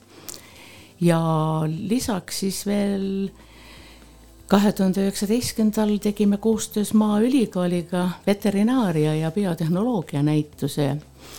nii et, et see oli nagu ka siis, mis tutvustab siis äh, Maaülikooli viimaseid või selliseid tegevusi nagu just selle loomade kloonimisega ja, ja kõik selle biotehnoloogia arengud, nii et, et põllum-, see Maaülikooli äh, teadlased olid väga-väga meiega koostööaldid, nii et kannatasid meid välja, kes, kes me sellest teemast nagu midagi ei tea, et aga, aga tänu sellele saime ka targemaks, nii et aga ja siis peale selle muuseumis ka veel noh, haridusprogrammid, suurüritused, nagu teate, on kõige suurem üritus, mis aastaüritus muuseumis on toimunud, on tõuloom, kus siis tutvustame erinevaid tõuloomi ja, ja viss nii et ja jaaniõhtud koos ja koostöö vallaga oli meil hästi, Ülenurme vallaga oli meil hästi tore, nii et aga koostööpartnerid oli meil nagu üle vabariigi ja, ja olime seotud ka selle rahvusvahelise põllumajandusmuuseumi eh, organisatsiooniga. no ikka räägitakse, et eestlane on laulurahvas, siis mõni ütleb, et eestlane on spordirahvas. ma küsin siis hoopis niipidi, et eh, kas eestlane on ka muuseumirahvas? no ma ütlen küll, et on, et eriti nüüd viimastel aastatel ütleme see selline külastuskoht ja ütleme, eks see tuli nagu seoses selle Covidiga ilmselt nagu inimestele väga palju andis tunda, et nad ei saanud kusagil käia, aga, aga muuseumidesse olid uksed kinni, aga, aga nüüd on muuseumidesse tung ikkagi väga suur ja, ja hea meel on see, et Eesti Rahva Muuseumi külastas nüüd miljones inimene, nii et juba see näitab, et, et eestlased on muuseumirahvas, et no eks ekspositsioonid on, ega neid ei saa ja jõuagi ju ja ei ole ka vajadust uuendada pidevalt, et aastas mitu korda niimoodi ekspositsiooni teed ja seda saad ju täiendada erinevate programmidega ja erinevate teemade arendamisega. ja, ja see toimus ka meil Põllumajandusmuuseumis ja on igas muuseumis niimoodi, et mis nagu tutvustab seda ekspositsiooni eri tahkusid ja, ja see on nagu väga vajalik ja see toob juurde ka kindlasti külastajaid ja, ja mis muuseumide huvi on kindlasti, et me kasvataks just noort põlvkonda, et koostöö haridusasutustega, see on nagu väga oluline ja ja hea meel, et haridusasutused ja koolid on seda ka tõsiselt võtnud, et eh, ei, ei ole unustanud muuseumi. Sa enne mainisid, et sa tutvud ka nüüd põhjalikumalt meie linnuse ajalooga mis on see, mis on jätnud sulle selle lossi loo juures kõige sügavama mulje? milline lugu on kõige rohkem kõnetanud? no mind on alati nagu mõelnud seda, et Põltsamaa on, äh, ütleme, Liivimaa kuningriik oli. ja, ja noh, nüüd ma olen nagu tutvunud nagu veel ka selle Liivimaa kuningriigi nagu see veel nagu lugenud seda veel nagu üle ja, ja no vaja on tutvuda ja, ja õppida palju. nii et siin selle kuu ajaga ei ole veel nagu süvitsi päris jõudnud nagu minna. aga see, eks igal, nii ka Liivimaa kuningriigi, ütleme, lõpp oli nagu selline intriigide keskne ja, ja kõik, et mis tõi nagu kaasa selle kuningriigi lõpu, et noh, et kahjuks on need, need intriigid kaasnevad siin pidevalt äh, kõiki valitsusi, nii et aga see Põltsamaa rikas ajalugu alates siis selle Ordu linnuse ehitamisest ja nüüd me tähistame ju sel aastal seitsmesaja viiekümnendat, ütleme linnuse aastapäeva ja et äh, noh, see ajalugu vajab rohkem nagu süvitsi lähenemist ja, ja tundmaõppimist ja ja hea meel on ka selle üle, et, et see kirik, Põltsamaa kirik on siin linnuse juures ja, ja see on siin ütleme, selline väga oluline, oluline sündmus ja oluline sündmus on muidugi ka see, et noh, seitsekümmend aastat möödub selle taastamisest, et ja väga kahju on, et need sõjad on nii palju Põltsamaalt üle käinud, et noh, kuna ta Kesk-Eestis asub, siis alati jääb ta sinna teede ristpunkti. et iga sõda on toonud kaasa purustuse ja, ja hävinguid ja nii ka siis neljakümne esimesel aastal, kui hävinis kirik ja loss põles maha, nii et, et väga, väga kahju sellest, et aga, aga nüüd loodame, et, et ikkagi see renoveerimisega, et taastame midagigi sellest ajaloost, mis on ja, ja kui see väravahoone ja see avane, avatakse ja järgmine aasta ja siis uus ekspositsioon ja, ja valmib ka konvendihoone siin torn ja, ja käiguteed, nii et midagi ja, ja kirik siinsamas juures, nii et see on üks selline kompleks. aga kui nüüd tulevikku vaadata, siis mis see meie linnuse fenomen võikski olla, et kui sinna Rakverre minna, siis noh, kõik teavad, et alguses nad näevad seda öö, suurte munadega pulli seal ja siis nad lähevad sinna, saavad igasuguseid mõõku näppida ja, ja piinakambris käia. et mis see meie asi võiks olla, kas see võikski siis olla seotud selle, selle Liivimaa pealinnaga ja või mis, mida, mida, mida meil on pakkuda, mida teistel ei ole? no ma arvan, et Põltsamaa on üldse väga rikas aja ja kultuurilooga linn ja, ja väga rikas paik.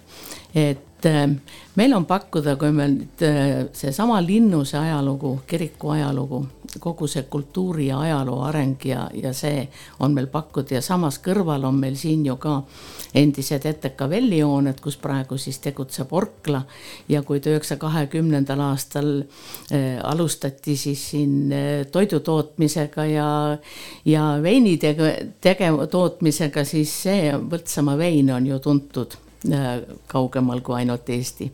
ja, ja loomulikult siis äh, kosmonautidele need toidutuubid, nii et, äh, et Põltsamaale on kuulsust toodud küll ja küll aga kahju jah, et seda veini enam nagu edasi ei toodeta, aga, aga eks siis tuleb leida järgmine, järgmine tee, et see Põltsamaa vein ja, ja haarata ka teisi isetegevusse ne- inimesi, kes nagu tegelevad veini tootmisega, nii et küll me leiame selle tee, et, et see veinikeller, kelder saaks ikkagi nagu edasi töötada ja, ja pakkuda ikkagi maitsvat veini edasi ja olgu siis erinevatelt tootjatelt ja erinevalt just, sest Eestis ju kasvatavad inimesed ka viinamarju, nii et oma ja sõstrapõõsad ei ole ka kellelgi aiast kadunud. aga ma arvan, et see rikas ajalugu, mis siin Põltsamaal on ja loomulikult see rekonstrueeritud linnus, väravahoone, ütleme noh, kirik kindlasti ja siis see konvendihoone, et saame, inimesed saavad käia seal käiguradadel ja, ja vaadata tornist kaugemale, nii et nii et see ikkagi rikas, rikas aja ja kultuurilugu on see ja, ja me asume, keskpunkt on Eesti, on Põltsamaa. nii et, et ma arvan, et meil on pakkuda küll ja küll aga Merli Sild, aitäh, et äh, võtsid selle aja, et meiega siin vestelda ja soovime sulle jõudu ja vastupidamist sinu ülesannetes. ning sa valisid, et äh, raadiokuulaja, sinu auks kuulab siis äh, untsakate lugu Tuhat tähte. aga veel kord, aitäh sulle! aitäh ja edu kõigile!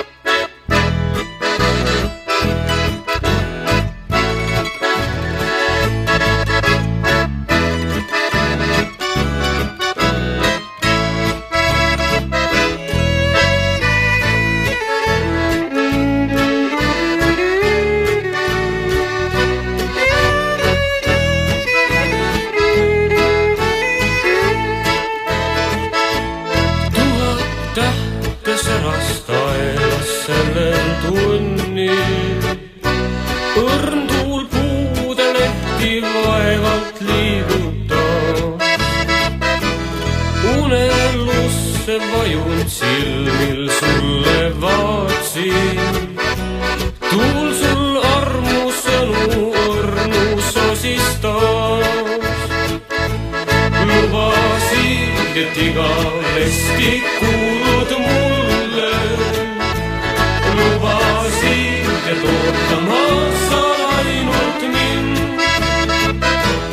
tähed taevas kuulsid sinu armusõnu. tuulehoognid õrnalt kaasa sosistas.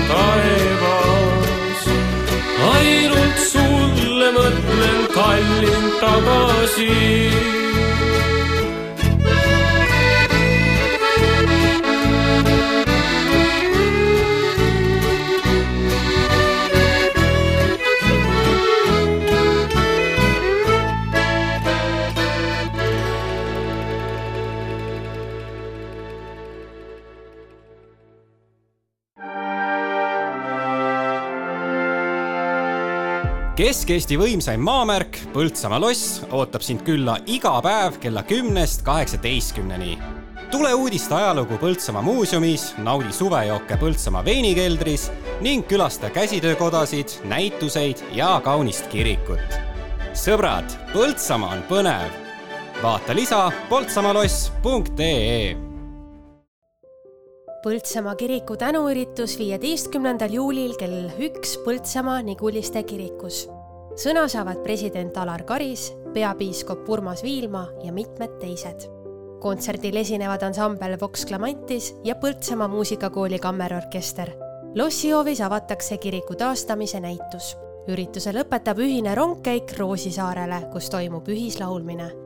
viieteistkümnendal juulil algusega kell üks Põltsamaa Niguliste kirikus.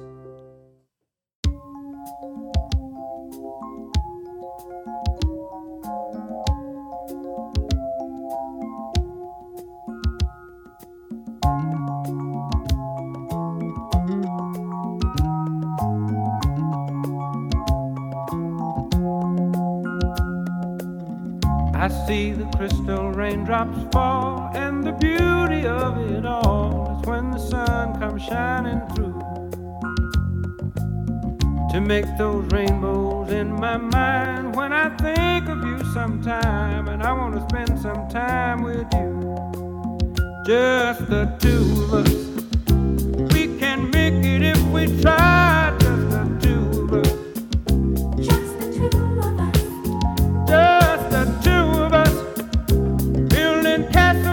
sky. Just the two of us. You and I. We look for love, no time for tears. Wasted water's all that is. And it don't make no flowers grow. Good things might come to those who wait, but not for those who wait too late. We gotta go for all we know. Just the two of us can make it if we try, just the two of us. Just the two of us. Just the two of us. Building them castles in the sky.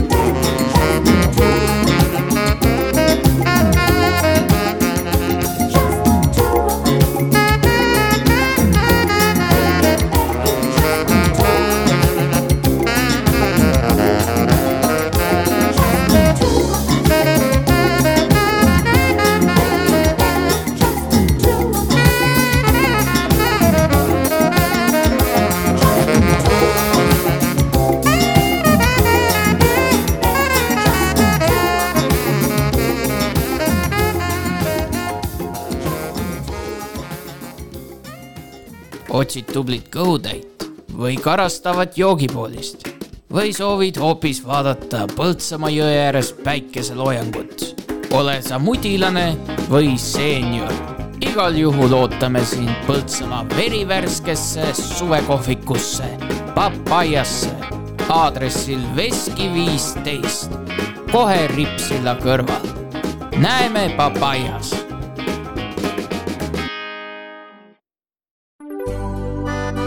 kvaliteet sõltub sellest, kus juustu tehakse. Põltsamaal osatakse juustu teha, seal hinnatakse kvaliteeti. Põltsamaa Eesti juust.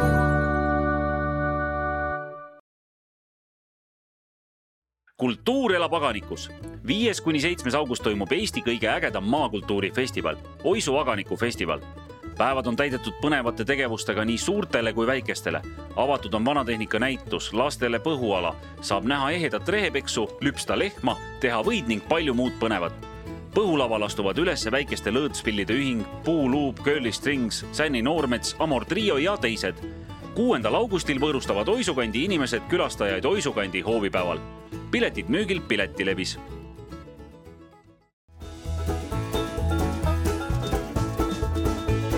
Põltsamaa raadio hea sõber ja toetaja on Vali Press.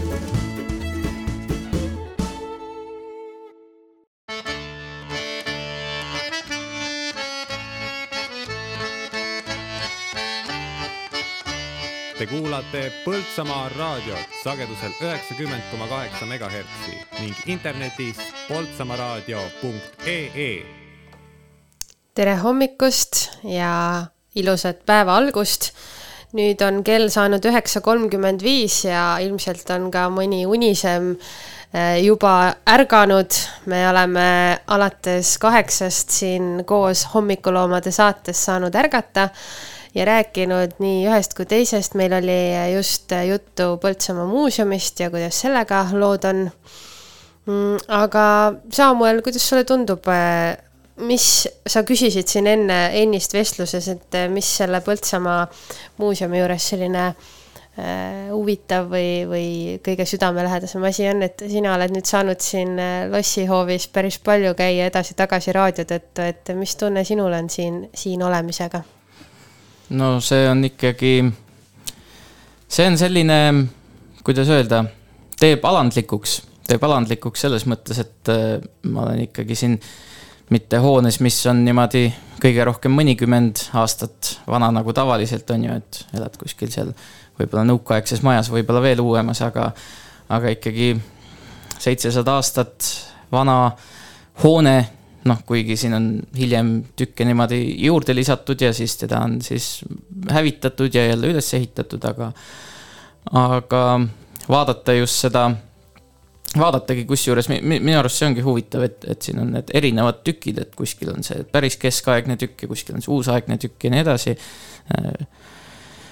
et see on äge vaadatagi neid erinevate ajastute sellist sümbioosi siin koos, et see ongi ajalugu, mis siin meie, meie silme all on ja miks ta just alandlikuks teeb, ongi see, et mõtled ikkagi, et, et näed, enne meid on ka siin elu olnud ja, ja siis äh, mõnikord siin jalutades ikka katsun mõelda, et kujutad ette, kuidas siin keegi jalutas võib-olla samamoodi ringi ja mõtles, mis tuleb enne ja pärast ja vot nii.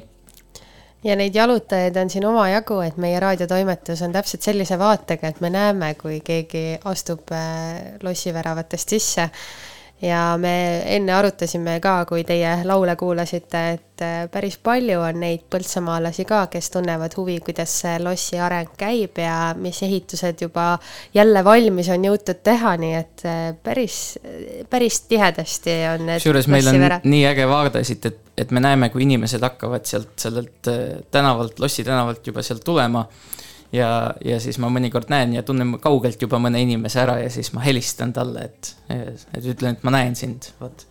jah. me võiks olla nagu lossi vah-, vahtkond siin kohe või midagi. no natuke oleme olnudki ka need kaksteist päeva, et hommikul vara ja õhtuni hilja, et oleme olnud siin lossihoovis. et siin on olnud väga tore aeg. just aga kui sa enne rääkisid, et need hooned on siin mõni juba üle seitsmesaja aasta vana, siis äh, mitte küll päris nii kõrges eas, aga täna ju tähistatakse sünnipäevasid. ja me tervitasime saate esimeses pooles Tiia Kaeramaad, kes meie enda Põltsamaa inimestele on armas ja tuntud, tervitasime lauluga Everybody, äh, andsime edasi perekonnatervitused, aga minu ees on praegu lahti ka mm, Postimehe ajaleht ja siin on veel palju õnne inimestele öeldud näiteks täna tähistab sünnipäeva arhitekt äh, Eevi Herkel, üheksakümne nelja aastaseks saab, siis muusikasõpradele äh, teada-tuntud saksofonist ja pedagoog äh, tähistab täna seitsmekümne neljandat sünnipäeva Lembit Saarsalu. On täna sünnipäev ka kirjanikul ja stsenaristil Mihkel Ulmanil, poliitikul ja muusikul Helle-Moonika Helmel ja kitarrist, helilooja ja pedagoogil äh, Oleg Pissarenkol. ja lisaks ka ooperilauljal Pirjo Joonasel ja lauljal Hanna-Liisa Uusmaal. ja samas, kui ei ole sünnipäev, siis võib olla nimepäev ja võib-olla mõni inimene ei teagi, et tal nimepäev täna on. aga kui sinu nimi on Elinor, Eleonora, Leonora, Loora, Loore, Noora või Noora ühe O-ga, siis oli lõpus siis äh, head nimepäeva ka. head nimepäeva jah, ja mina tervitaks äh, siis siinkohal äh, Sander Siilbecki, kellel on ka täna sünnipäev ja kellega on õnnestunud mõned väga sügavamõttelised vestlused maha pidada. Nii et Sander Siilbek, sulle ka palju õnne nii, aga kõigil, kellel täna ei ole sünnipäeva, aga tahaks ikka kuidagi endast kuulda, siis äh, eks ikka hommikuprogrammides vahel arutletakse horoskoobi üle ja siis mõeldakse, et mis see tänane päev võib tuua. me siis ka natuke arutame, et iga kuulaja enda otsustada jääb, kui palju ta sellega kaasa läheb ja kui palju mitte. aga vaatame siit kohe esimesena on kalad. Oh, see on ju minu tähtkuju. no vot, kus juhus. ja kaladele öeldakse nii, et oled usaldusväärne ja mõistev, sinuga võtavad ühendust inimesed, kes tahavad südant kergendada ja raske elu üle kaevelda. ahah, minuga pole veel täna keegi ühendust võtnud, aga meil siin äh, kell kaksteist viisteist on saade Taimi ja Karroga, ehk siis võib-olla viide sellele no vot, ja võib-olla viide ka sellele, et täna kell kaheksa me tähistame kolmanda hooaja lõppu, eh, Põltsamaa raadio kolmanda hooaja lõppu eh, suvekohvikus Papaia. nii et Saamuel on seal kõigile saadaval, eh, kui tahate, siis aga ei tasu olla nii selles mõttes julgelt minu juurde tulla, sellepärast sest ma võtsin lahti kroonika horoskoobi, hoopis sina võtsid Postimehest, mina võtsin siis Delfi kroonikast. ja siin ütleb kalade kohta seda, et püüate täna iga hinna eest mõjuda autoriteetse ning tõsiseltvõetavana. kuid ärge üle pingutada, pingutage. Pole mõtet näidelda, olge see, kes te olete. nii et selline kahepoolne horoskoop, nii et võite minuga ühendust võtta, aga omal vastutusel nii, ja kõigile suve sünnipäevalistele siis kaasa arvatud mulle endale. mina olen kaksikute tähtkujust ja nüüd oled valmis muudatusi tegema, kui sa millegagi rahul ei ole, siis käärid käised üles ja asud suure hooga asju ümber korraldama. mis see sinu äh, see leht ütleb? kaksikute kohta. jah, olete täna praktiliselt meelestatud, samas kipute liiga kokkuhoidlikuks ja igavaks muutuma. jah, jah, jah, võib, võib-olla Eeva, ma jätkan saadet üksi, et andke omale ruumi ka lõbutsemiseks, hea aeg töö tegemiseks. oi-oi-oi, no siis tuleb ikka kõigil täna õhtul kell kaheksa sinna papaiasse meid tervitama tulla. jah, et Eeva lõbutse ka vahepeal natukene. aga välja ma ei tee, sest ma olen loeb siin mingisuguseid ajalehti, Postimehi ja tõstatab mingeid teemasid tudengite söögi kohta, et Eeva, noh no see jah, ma ei olnud lugenud lihtsalt seda horoskoopi, aga nüüd ma olen täiesti uus. Kas on eh, kellegi horoskoop veel, kelle me võiksime ette lugeda, mis sa arvad? no kellegi horoskoopi ikka võiks ette lugeda, jah. no ütle siis üks. võtame, võtame siit näiteks jäära. Mm -hmm. nii, minul on jäärade kohta nii öeldud kõik, kes on siis sündinud vahemikus kakskümmend üks märts kuni kakskümmend aprill. mm. -hmm. Merkuuri ja Jupiteri eh, kvadraat annab sulle ulja peale veelgi elujõudu ja optimismi juurde. tegutsed suure õhinaga jaa, ning mõjuta täna oma kaaslastele salapärase mõistatusena. see tuleb kasuks armuasjades, kuid mitte ametlikes suhetes. ebasoodne aeg ideede esitamiseks. Jätke need ideed siis kaksikutele, sest et meil oli ju hea tööaeg. just, aga kuna me tervitasime juba tänaseid sünnipäevalapsi, siis äh, tänased äh, sünnipäevalapsed on ju kõik äh, vähid, nii et võib-olla loeme ka vähkide horoskoobi veel ette. hea küll, viimasena siis vähkide horoskoop ja, siis Tiia Kaeramaa ja Sander Siilbek ja Helle-Moonika Helme ja ja Lembit Saarsalu samuti. nii et midagi teile. Ära oma teadmisi üle hinda, ehkki tarkust on sul omajagu, näitab elu selgelt, et targutamise asemel on mõistlikum õppida. no täpselt seda minagi. Te olete täna veidi kergemeelsem ja lobisemishimulisem kui tavaliselt. püüdke siiski olla tähelepanelik, eriti juhul, kui teile mõni saladus usaldatakse. nii et eh, head sünnipäevapidu ja sellised soovitused veel ka horoskoobi poolt. Aga kuulaks midagi bändilt eh, Horoskoop, mis sa arvad, Samuel, me oleme siin ikkagi täielikult eh, horoskoobi lainel. et eh, võib-olla siis saaksid nemad meid rõõmustada ja siin hommikus edasi viia ja siis mõned tantsusammud ka teile sinna kodudesse saata just, ja meile kõlab horoskoop, lõppenud on päevad.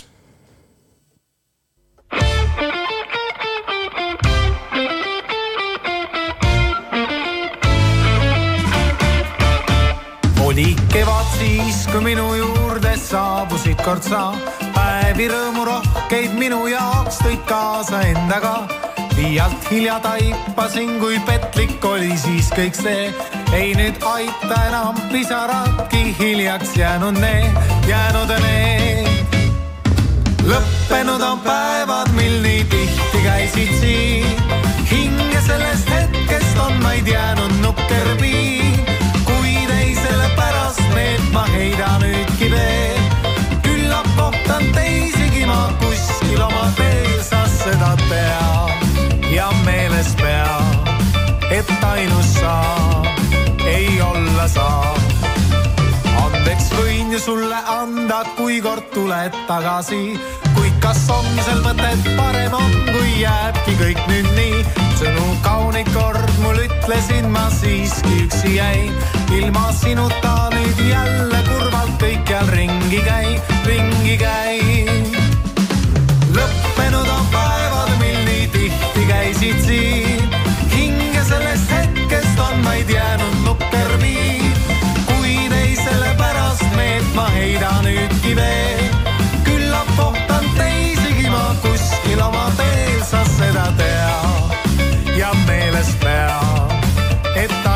song.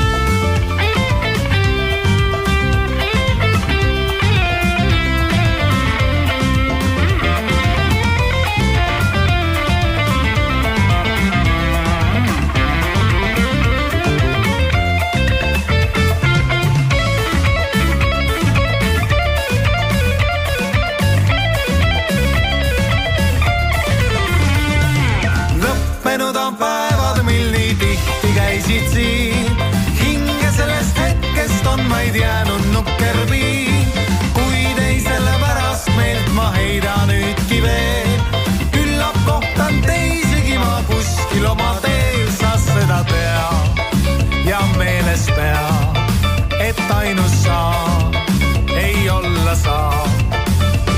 ei või ja ei saa, ei või ja ei saa, no ei või ja ei saa, ei või ja ei saa.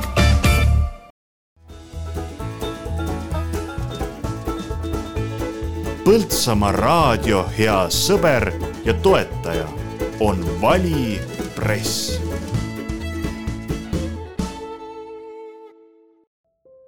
Põltsamaa kiriku tänuüritus viieteistkümnendal juulil kell üks Põltsamaa Niguliste kirikus. sõna saavad president Alar Karis, peapiiskop Urmas Viilma ja mitmed teised. kontserdil esinevad ansambel Vox Clamantis ja Põltsamaa muusikakooli kammerorkester. lossihoovis avatakse kiriku taastamise näitus. Ürituse lõpetab ühine rongkäik Roosisaarele, kus toimub ühislaulmine. viieteistkümnendal juulil algusega kell üks Põltsamaa Niguliste kirikus täna õhtul kell kuusteist kolmkümmend loosikasaade, et võita, jälgi Põltsamaa raadio sotsiaalmeediakanaleid nii Facebookis kui ka Instagramis.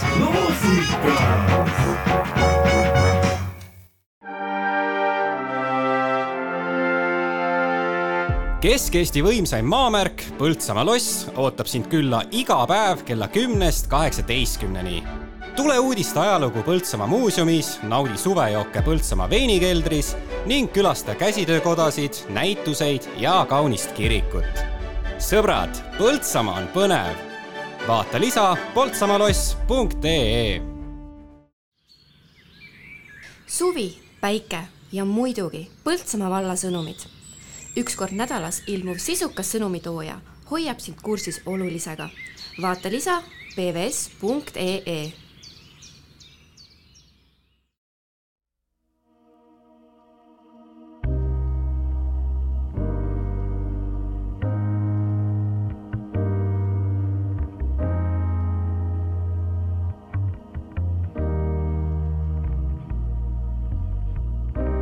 Everybody loves the things you do, from the way you talk to the way you move. Everybody here is watching you, cause you feel like home. You're like a dream come true. But if by chance you're here alone, can I have a moment before I go? Cause I've been by myself all night long, hoping you're someone I used to know. You look like a movie, sound like a song. My God, this reminds me of when we were young.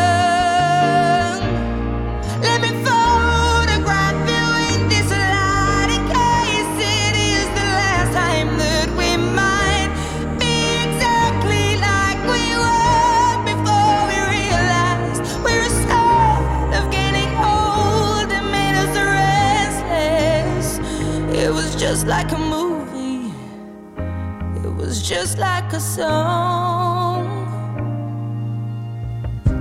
I was so scared to face my fears.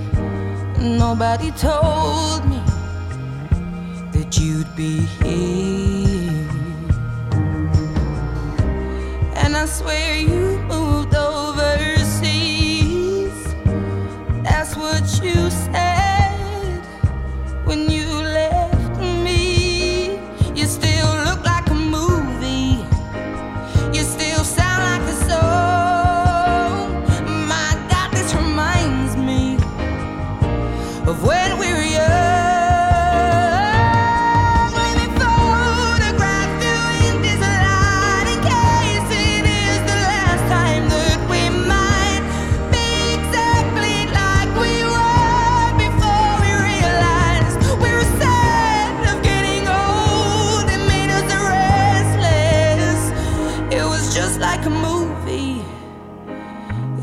just like a song.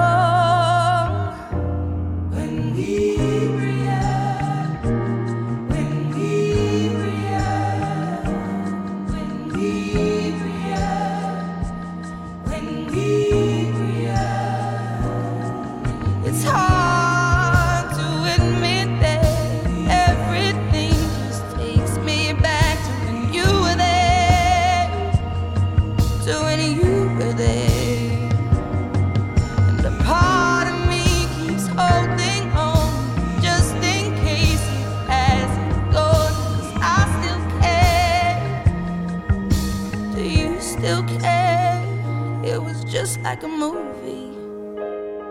It was just like a song. My God, this reminds me when we were young.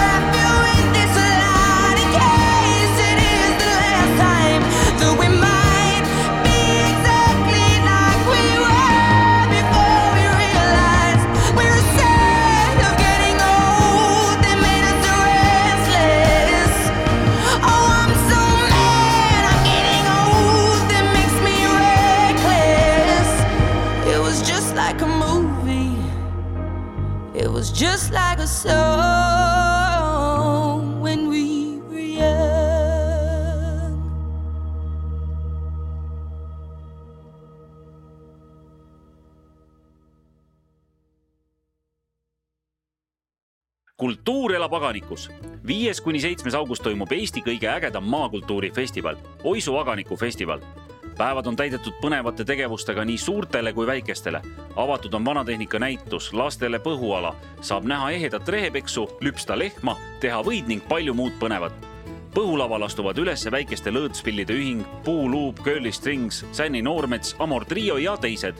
Kuuendal augustil võõrustavad Oisukandi inimesed külastajaid Oisukandi hoovipäeval. piletid müügil Piletilevis kas oled kuulnud Põltsamaal linna ääres paiknevast pikaaegsest ettevõttest? puitprofiil, kvaliteetsed liimpuidust akna ja ukse detailide toorikud meie kodukohast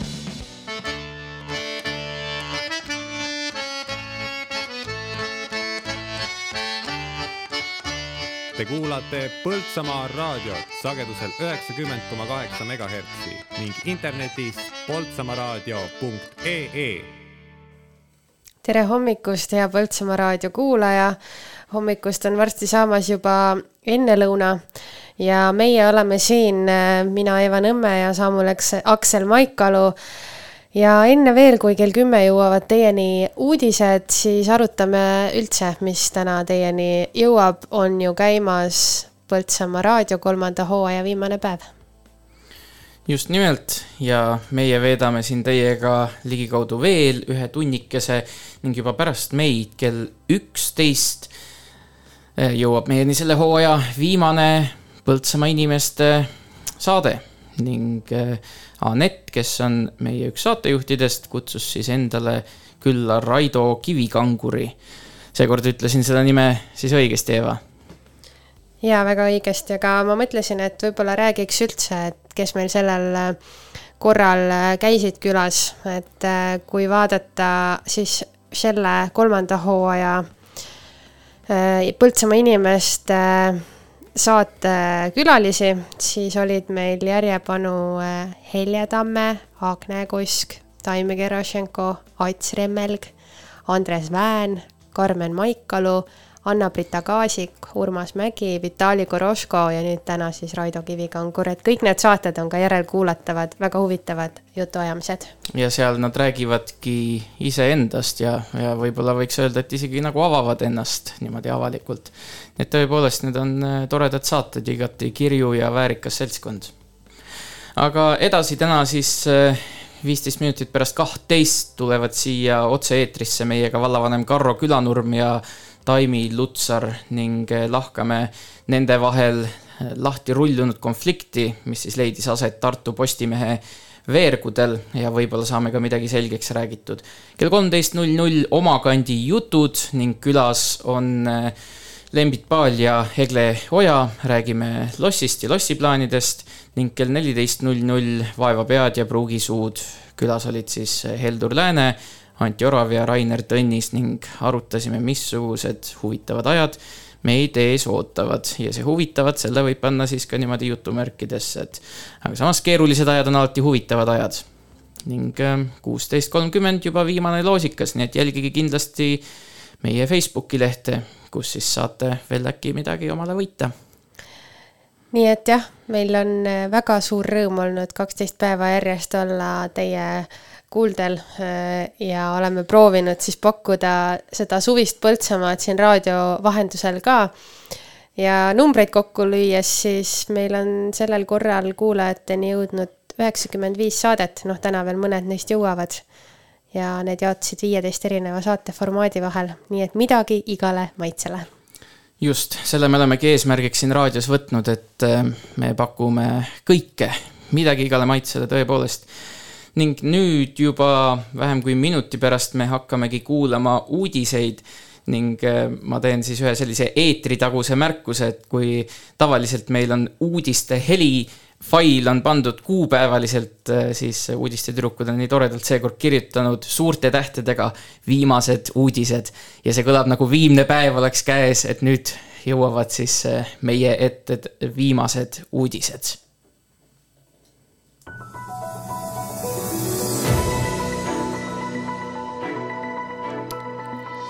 tere, eetris on Põltsamaa raadio uudised, stuudios uudistetoimetaja Johanna Järva.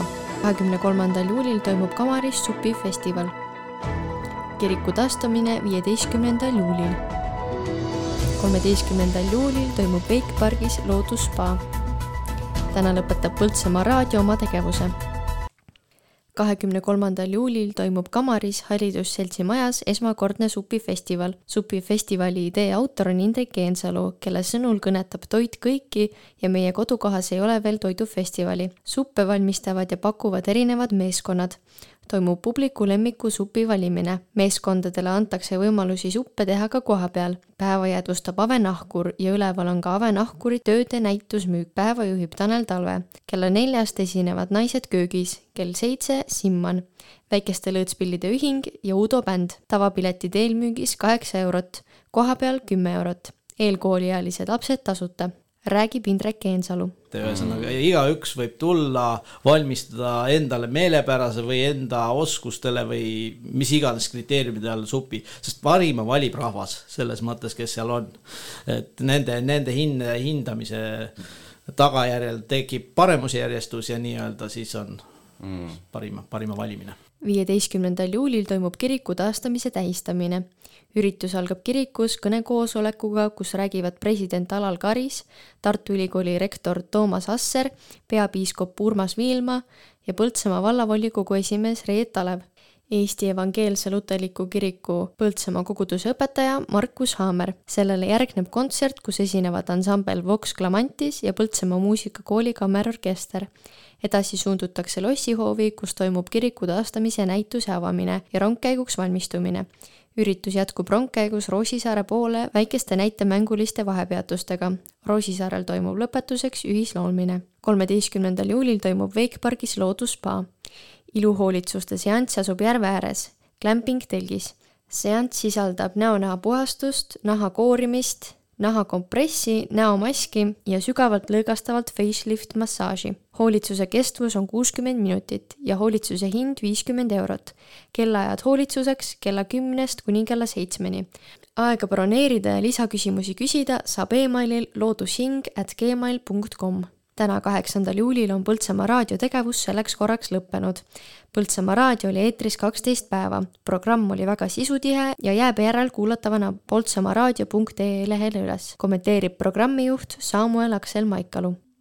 kõige suurem edasiminek eelmistest hooaegadest on tõenäoliselt see, et kui varasemalt olime eetris hooaja vältel ainult ühe nädala, siis seekord olime juba pea kaks nädalat me oleme väga rõõmsad, et Põltsamaa inimesed on meid niimoodi rõõmuga vastu võtnud ja loodame ka, et meid ikka tulevikus oodatakse oma kõrvadesse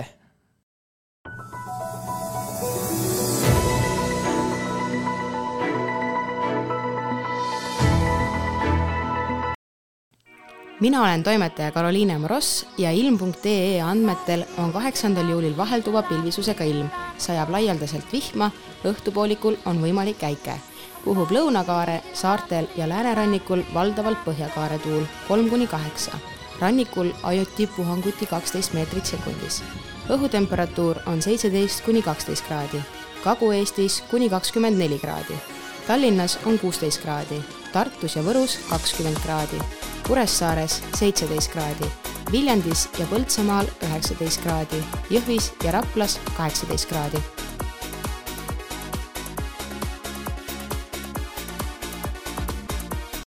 kultuur elab aganikus. viies kuni seitsmes august toimub Eesti kõige ägedam maakultuurifestival, Oisu aganiku festival. Päevad on täidetud põnevate tegevustega nii suurtele kui väikestele. avatud on vanatehnika näitus, lastele põhuala, saab näha ehedat rehepeksu, lüpsta lehma, teha võid ning palju muud põnevat põhulaval astuvad üles väikeste lõõtspillide ühing, Puuluup, Curly Strings, Sänni Noormets, Amor Trio ja teised. kuuendal augustil võõrustavad Oisukandi inimesed külastajaid Oisukandi hoovipäeval. piletid müügil Piletilevis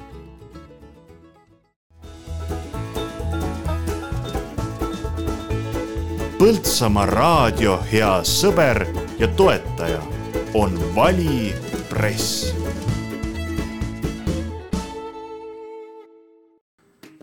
otsid tublit kõhutäit või karastavat joogipoolist või soovid hoopis vaadata Põltsamaa jõe ääres päikeseloojangut. ole sa mudilane või seenior, igal juhul ootame sind Põltsamaa verivärskesse suvekohvikusse, Papajasse, aadressil Veski viisteist, kohe Ripsilla kõrval. näeme Papajas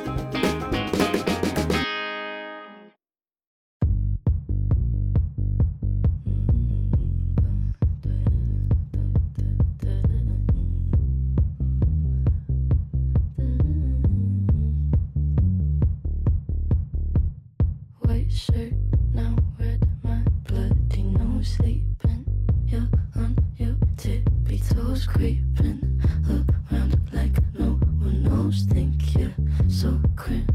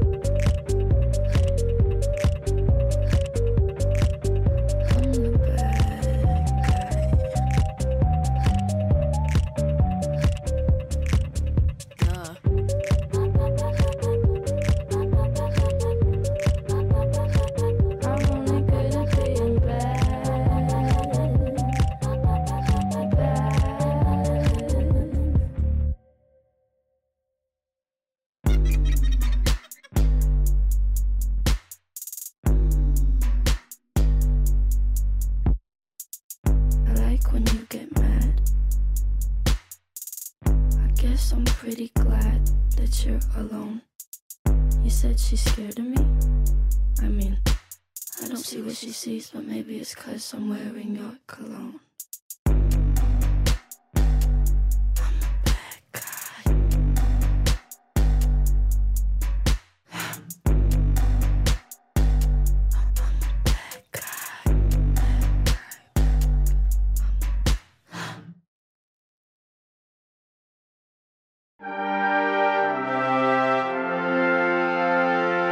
Kesk-Eesti võimsaim maamärk Põltsamaa loss ootab sind külla iga päev kella kümnest kaheksateistkümneni. tule uudiste ajalugu Põltsamaa muuseumis, naudi suvejooke Põltsamaa veinikeldris ning külasta käsitöökodasid, näituseid ja kaunist kirikut. sõbrad, Põltsamaa on põnev. vaata lisa poltsamaloss.ee juustu kvaliteet sõltub sellest, kus juustu tehakse. Põltsamaal osatakse juustu teha, seal hinnatakse kvaliteeti. Põltsamaa Eesti juust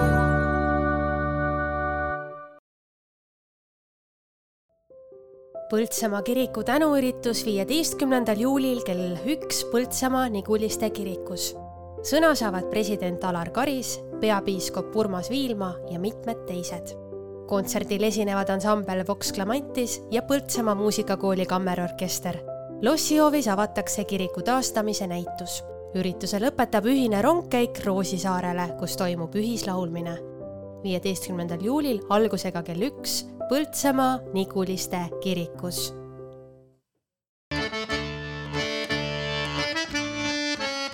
Põltsamaa, Põltsamaa, Põltsamaa, Põltsamaa, Põltsamaa, Põltsamaa, Põltsamaa.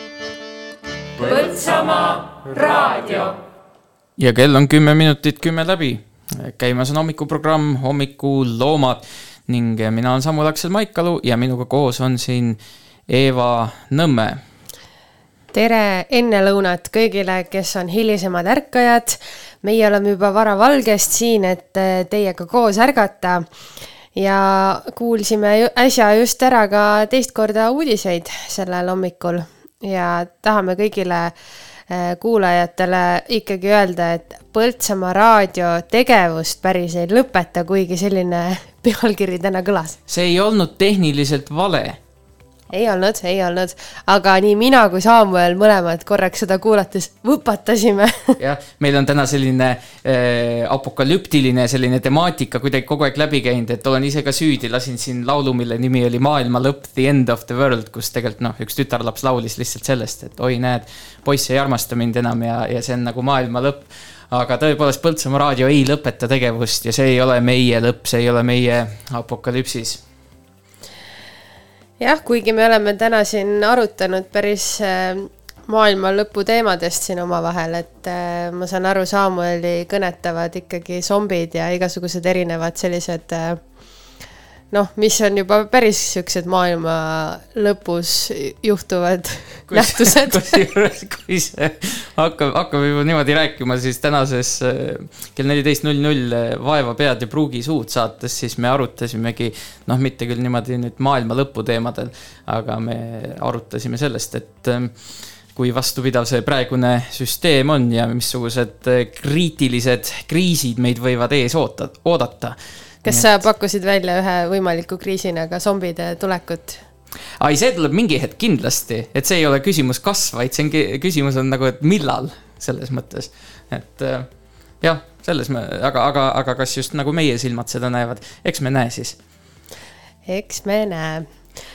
nii, aga näed, sellest rääkides, siis meil on ka täna eriloos ja see on justkui selline, kui me juba sellel lainel oleme, siis nimetame selle viimse päeva loosiks. Ehk siis äh, viimane päev ja viimase päeva tõttu siis äh, lähevad loosika saates kohe mitu-mitu asja lähevad loosi. Ja tänane peaauhind on siis Decora kolmekümne eurone kinkekaart.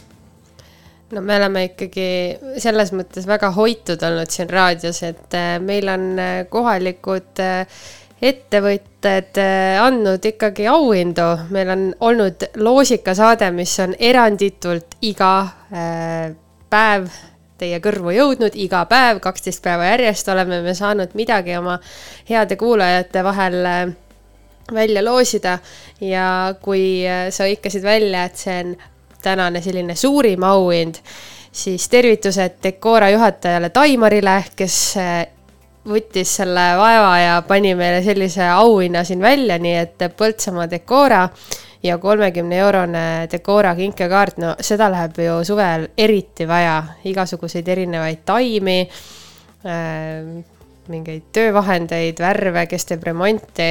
Väga,, väga-väga mõnus kingitus, nii et äh, hoidke pilk peal meie Facebooki lehel. sellest rääkides siis täna kell kolmteist null null äh, ongi saade Omakandi jutud, kus me rääkisime lossi ehitusprotsessist äh, Lembit Paali ja Egle Ojaga.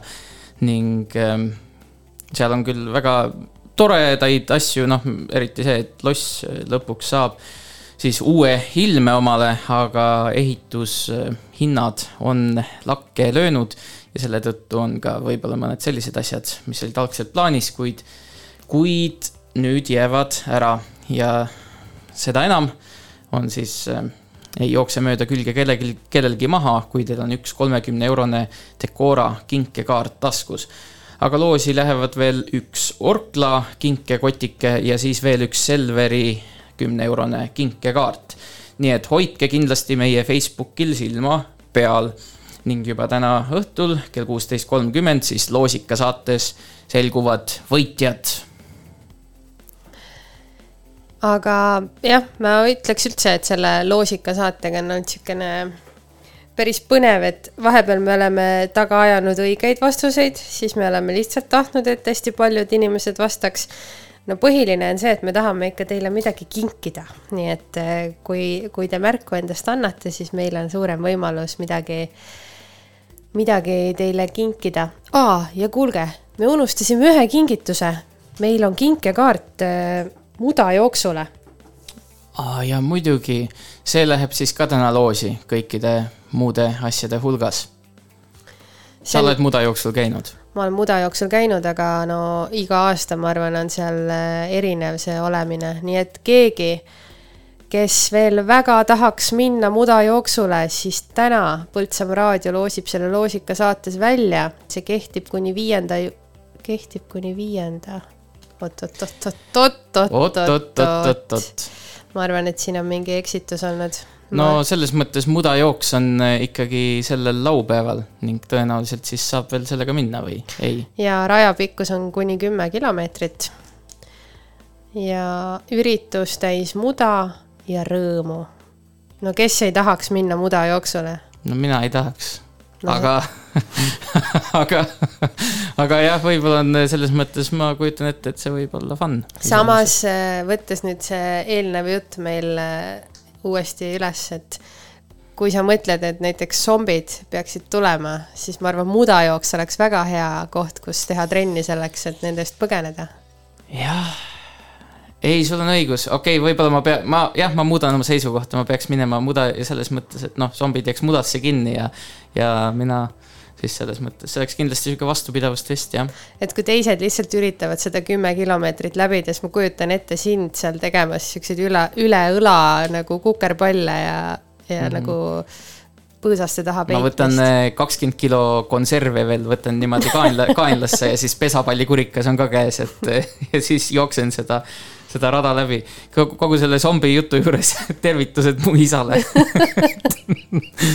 aga kuulame siis eh, siinkohal vahepeal ka natukene muusikat ja, ja meile kõlab Trad Attacki Bass, bass ja viimastel päevadel, kui ma ei ole kuulanud Põltsamaa raadiot ise, et ma ei ole mingisugune silmakirjatseja, et kui ma tänaval olen kõrvaklapid peas, siis ma ikka tavaliselt kuulan Põltsamaa raadiot, aga mõningatel momentidel siis on tulnud ette, et ma kuulan hoopis seda laulu ja siis ma olen mõelnud ka, et kui ilus see laul oleks ühe sellise zombi montaaži taustal. aga kuulame siis Trad Attacki Bass, bass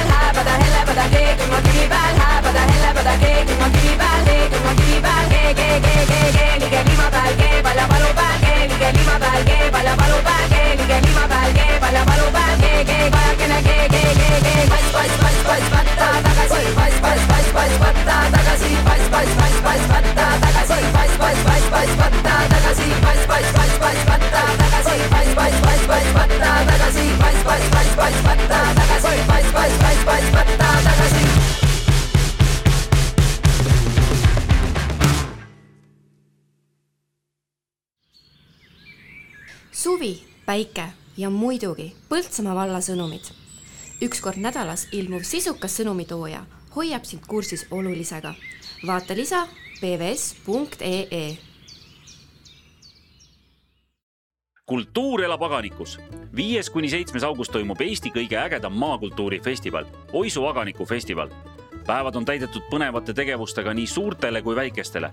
avatud on vanatehnika näitus, lastele põhuala, saab näha ehedat rehepeksu, lüpsta lehma teha võid ning palju muud põnevat.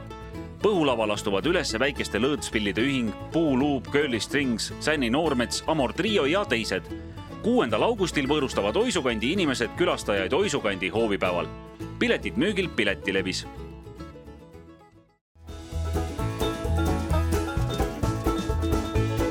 Põltsamaa raadio hea sõber ja toetaja on Vali Press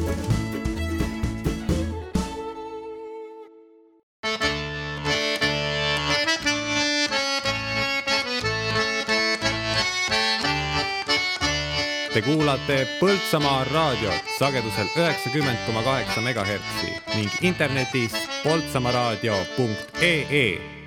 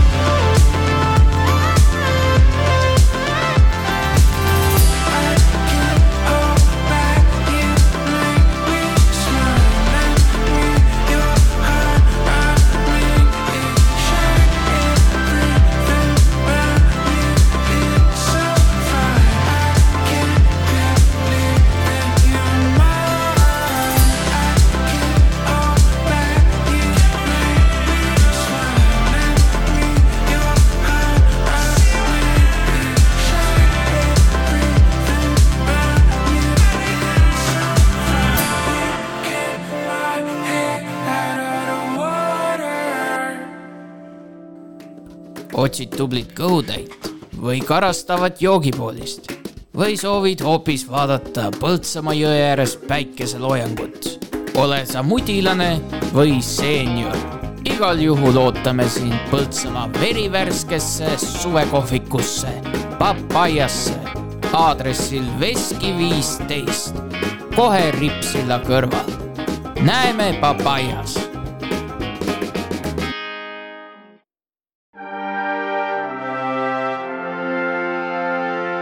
Kesk-Eesti võimsaim maamärk Põltsamaa loss ootab sind külla iga päev kella kümnest kaheksateistkümneni. tule uudiste ajalugu Põltsamaa muuseumis, naudi suvejooke Põltsamaa veinikeldris ning külasta käsitöökodasid, näituseid ja kaunist kirikut. sõbrad, Põltsamaa on põnev. vaata lisa poltsamaloss.ee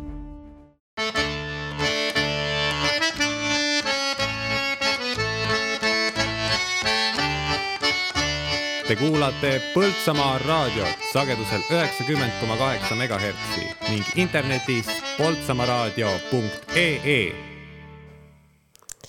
tere hommikust, kell on kümme kakskümmend seitse ja eetris hommikuloomade saade.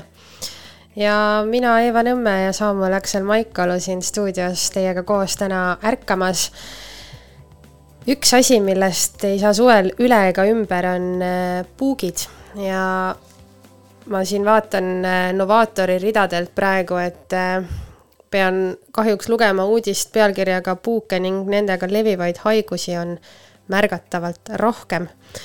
ja kirjeldab see artikkel siis sellest, et puukide arvukus ning nendega levivate haiguse tekitajate mitmekesisus ja levimus on viimase kümne aasta jooksul märkimisväärselt kasvanud.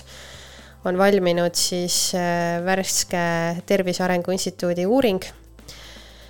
ja noh, me ju teame seda tegelikult kõik ja sellest räägitakse, et, et väga hirmus haigus on see ja puukentsefaliit on siis ainuke puugihaigus, mida võib ennetada vaktsineerimisega ja muudel juhtudel tuleb see lihtsalt siis kuidagimoodi kas põdeda läbi või, või noh, ega seal ei olegi väga palju muud teha.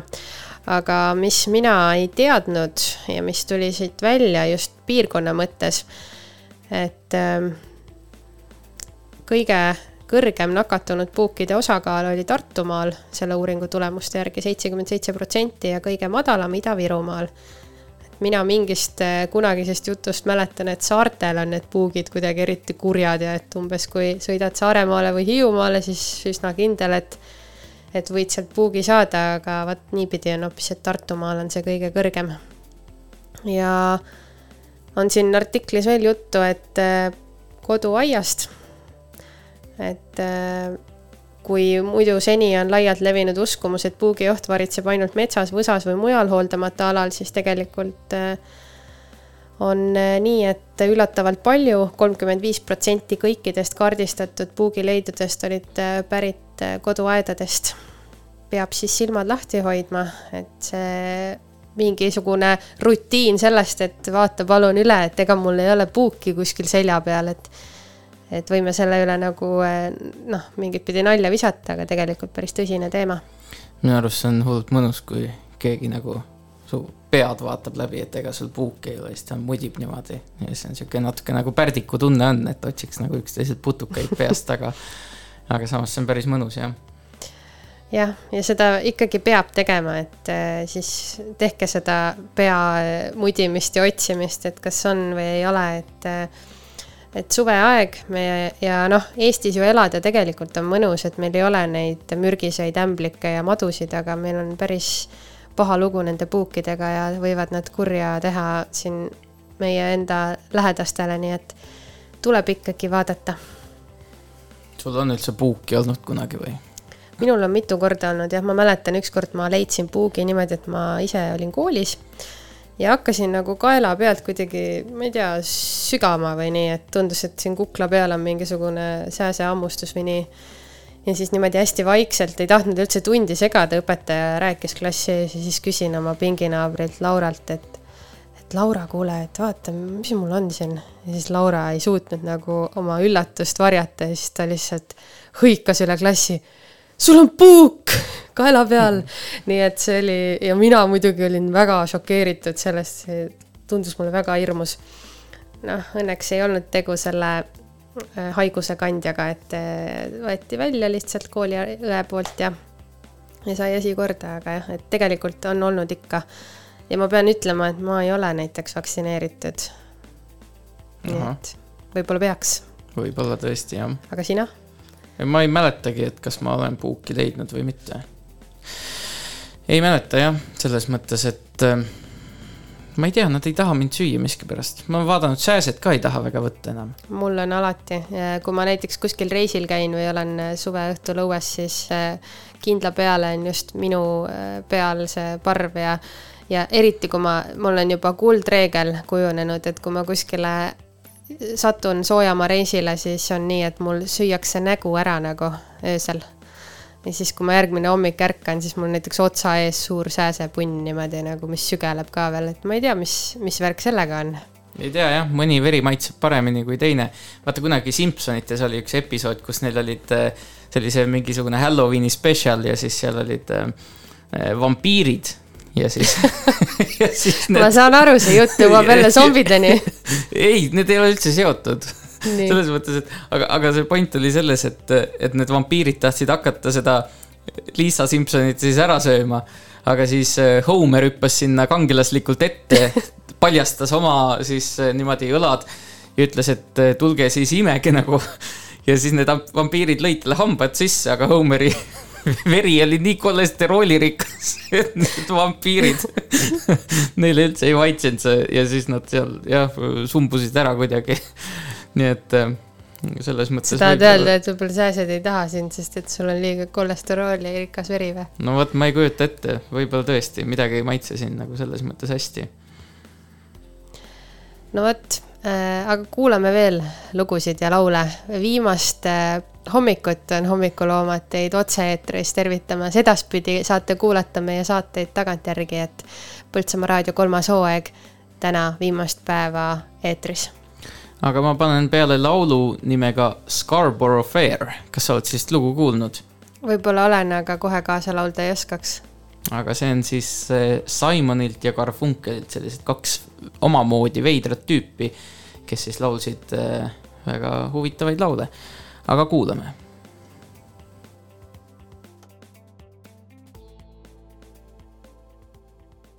Are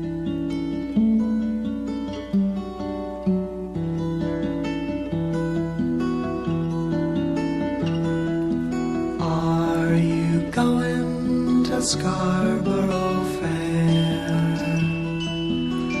Parsley, sage, rosemary, and thyme. Remember me to one who lives there. She once was a true love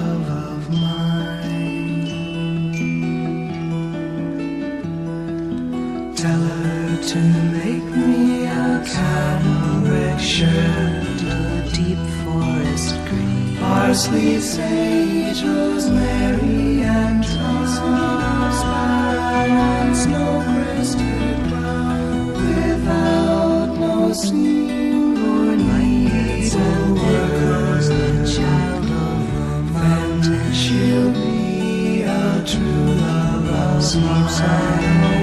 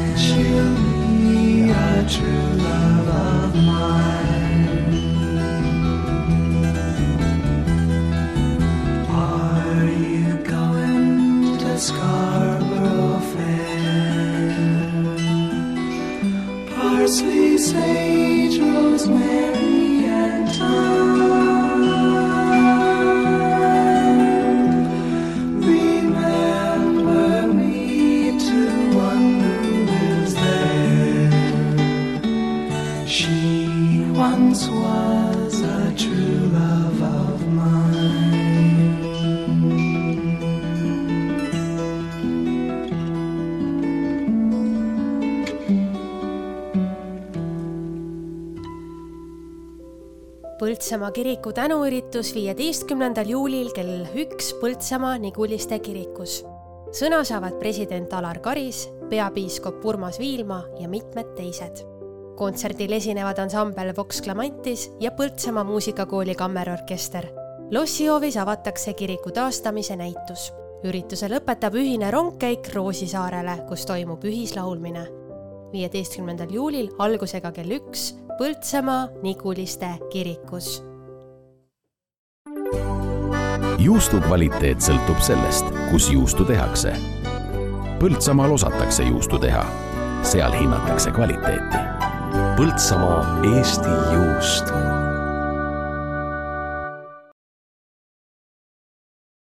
kultuur elab aganikus. viies kuni seitsmes august toimub Eesti kõige ägedam maakultuurifestival, Oisu aganiku festival päevad on täidetud põnevate tegevustega nii suurtele kui väikestele. avatud on vanatehnika näitus, lastele põhuala, saab näha ehedat rehepeksu, lüpsta lehma, teha võid ning palju muud põnevat. põhulaval astuvad üles väikeste lõõtspillide ühing, Puuluup, Curly Strings, Sänni Noormets, Amor Trio ja teised. kuuendal augustil võõrustavad Oisukandi inimesed külastajaid Oisukandi hoovipäeval. piletid müügil Piletilevis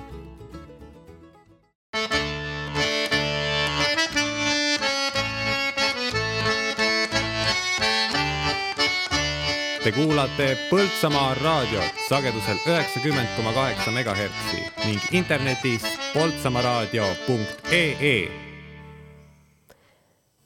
kell on nüüd kümme nelikümmend üks, nii et eh, hommik juba selja taha jäänud ja ees lõuna ootamas. meie hommikuloomade programmis mina, Eva Nõmme ja minuga koos Samuel Aksel Maikalu ja me oleme täna jõudnud paljust toredast rääkida, aga mis vaatab veel tänasesse päeva ette tulevalt, siis kell kuusteist kolmkümmend on meil loosikasaade ja me teeme täna äh, super megaloosi, sest et meil on nii palju põnevaid kingitusi, mida oma kuulajatele välja loosida. selle jaoks tuleb teil pärast hommikuprogrammi saadet minna meie Facebooki lehele ja vastata õigesti küsimusele, mis me siis seal oleme esitanud ja siis teie kõigi vahel läheb loosi ja kuulake nüüd. me loosime oma kraami välja, nagu Põltsamaa raadio lõpetaks oma tegevuse, aga Põltsamaa raadio ei lõpeta oma tegevust. lihtsalt selline vahemärkus, et ei lõpeta, ärge laske ennast äh, petta sellest, mida räägitakse. aga igatahes räägime nüüd loosika saatest ja nendest auhindadest, mis täna saab võita. kõigile Põltsamaa inimestele ilmselt äh, palju abi pakkunud pood Decora on välja pannud kolmekümne eurose kinkekaardi, nii et äh, olge siis kärmed, et te saaksite seda endale. siis lisaks on meil ka partner kinkekaart välja loosida ja ka Orkla äh, kingikott, kus sees on head ja paremad siis äh, Põltsamaa Feeliksilt. mulle meeldib seda ikka nii nimetada veel, kuigi õige nimega ta on Orkla ja mitte ainult, veel kirsiks tordil on ka mudajooksu kinkekaart, mis annab siis Prii pääsme, et minna kümnekilomeetrisele rajale üheksandal juulil, see on pühapäev, ja võtta siis kogu jõuvaru kokku ja ise proovida ka seal joosta. mina olen ühel aastal käinud. Ma ei teadnud küll, et ma sinna lähen, minu sõbrad nimelt tegid mulle siukse üllatuse, et ütlesid, et veeda meiega üks päev ja mina rõõmsalt siis olin nõus. ja see on juba sellel laupäeval ning äh, minu kõrvu on jõudnud see on ka... sellel laupäeval, ma vaatan, see on. on küll äh,. saad osaleda tasuta üheksandal juulil Muda jooksul. aga üheksas on... on ju pühapäev. ei ole täna on kaheksas ja homme on üheksas, ehk siis see on juba homme. see on juba homme. juba homme see on laupäeval see on laupäeval, juba homme ja ma olen kuulnud äh, ka seda, et äh, nimelt äh, mudajooksu inimesed otsivad veel mõningaid vabatahtlikuid, nii et kui teil on soovi mitte iseennast nii mudaseks teha, aga minna ja naerda nende üle, kes seal ennast on poriseks teinud ja võib-olla siis vahepeal ka juhendada neid, et kuhu suunas nad edasi peavad minema, siis seal on üks hea seltskond teid ootamas. jah, aga hea küll, sinna on veel natuke aega, nüüd te olete ära kuulnud need ahvatlevad auhinnad ja saate tulla pärast hommikuloomade saadet. nii et kuulake hoolega kuulake hoolega. nii, aga Saamuel, mul on sulle mõned küsimused hoopis, ma olen ette võtnud siin ühe Eesti mängu, see on küll mõni aasta vana, aga ma vaatan, et kas sa ka oskad vastata. minu lemmik jaa, mind on, mind on juba nende viktoriinidega siin otse-eetris nii palju alandatud, aga noh, viimane päev jah, laseme tulla, vahet ei ole. Ja teeme siis nii, et teie seal kodudes ka, kes te meid kuulate, proovige teie ka hästi kiiresti ära vastata, siis vaatame, et kas teie jõuate enne või Samuel jõuab enne et selline väike sportlik moment ka. aga ma võtan siis vabal valikul, see viktoriin on äh, avalik, avalikustatud siin Õhtulehe portaalis, aga juba aastal kaks tuhat kakskümmend. nii et paar aastat vana, aga küsimused ikka kehtivad, igatahes. nüüd esimene küsimus. missuguse spordiala üks suuremaid sisehalle maailmas valmis kahe tuhande kahekümnendal aastal Ida-Virumaal? ma annan vastuse variandid ka saapa viskamine, naise kandmine, kirve viskamine. Ida-Virumaal valmis spordihall kahe tuhande kahekümnendal aastal ja valikud olid siis saapa viskamine, naise kandmine või kirve viskamine. no ma kujutan ette küll ju noh, iga selle alaga võiks mõelda, et on, on tohutu suur sisehall. Eh, jah, selles mõttes kirve viskamise ma siinkohal välistaks. No samas ei tea ka, selles mõttes ma võin puusse panna, aga ma ütleks, et kirve viskamine, no ma ei, minu silmi ei ole lihtsalt jõudnud see, et, et et ma oleks näinud, et siin me väga palju kirved arvestame loopida, aga noh, samas see on Ida-Virumaa ka, nii et kes teab. ja samas, kui mõelda sedasama mõtet edasi, et siis naisi kantakse palju, et seda oled rohkem märganud või? no seda naise kandmist on ikka tehtud, siin kuule, oli kunagi see saade isegi, mida see Kristjan Jõekalda juhtis ja nad üritasid eh, eestlastega teha seda naise kandmise, seda äh, Guinessi rekordit üritasid isegi paika panna. ma olen näinud neid asendeid, et naine on kuidagi kukil, aga siis laskunud nagu seljakuti kokku ja, ja siis hoitakse kuidagi jalgadest kinni, et noh, see pidi vist kiireim meetod olema, et kui teil vahel kuskile väga kiire on ja ja oleks lihtsam naine selga võtta, siis me võime linnatänavatel ka teid niimoodi tormamas näha. nojah, seal naise kandmisel muidugi, ma vaatasin, et see naised olid valitud sellised, kes kaalusid viiskümmend kilo ja see mees kaalus sada viiskümmend kilo. olid sellised parajad musklimäed seal, kui nad eriti seda. julged oleks siis, kui numbrid oleks vastupidi. jah, aga ma arvan, et selle naise kandmise jaoks seda sisehalli ei ole selles mõttes tarvis. ja sellepärast ma pakukski selle saapa viskamise, et eestlased on pigem sellised saapaloopijad kui kirveloopijad. vot seda ma pakun. nii, Samuel ütleb saapa viskamine aga siis vastus on Ida-Virumaal Mäetagusel valmis kahe tuhande kahekümnenda aasta jaanuaris maailma üks suurimaid kirveviskamise sisehalle, kus peeti kohe ka esimesed võistlused. no näed, väga tore, jälle. noh, lase tulla, mul ei ole midagi kaotada, on sul veel mõni küsimus? jah, on ikka. järgmine on kahe tuhande kahekümnenda aasta mais teatati, et Eesti õpilased tulid PISA finantskirjaoskuse testis. variant üks esimeseks, variant kaks teiseks, variant kolm kolmandaks. finantskirja. finantskirjaoskuse testis, no rahast on ju ah, juttu olnud ja, ja. päris palju, on ju, et kui palju siis, kuidas Eesti õpilased hakkama saavad sellega? no ma arvan, et esimeseks me küll ei tulnud, muidu sellest oleks hommikust õhtuni räägitud ja see oleks igale eestlasele pea sisse taotud, et me tahame ju kogu aeg millegis nagu esimesed olla. aga no ma jään siin tagasihoidlikuks, ma pakun, et siis kolmandaks, niimoodi selline auväärt, auväärt kolmas koht.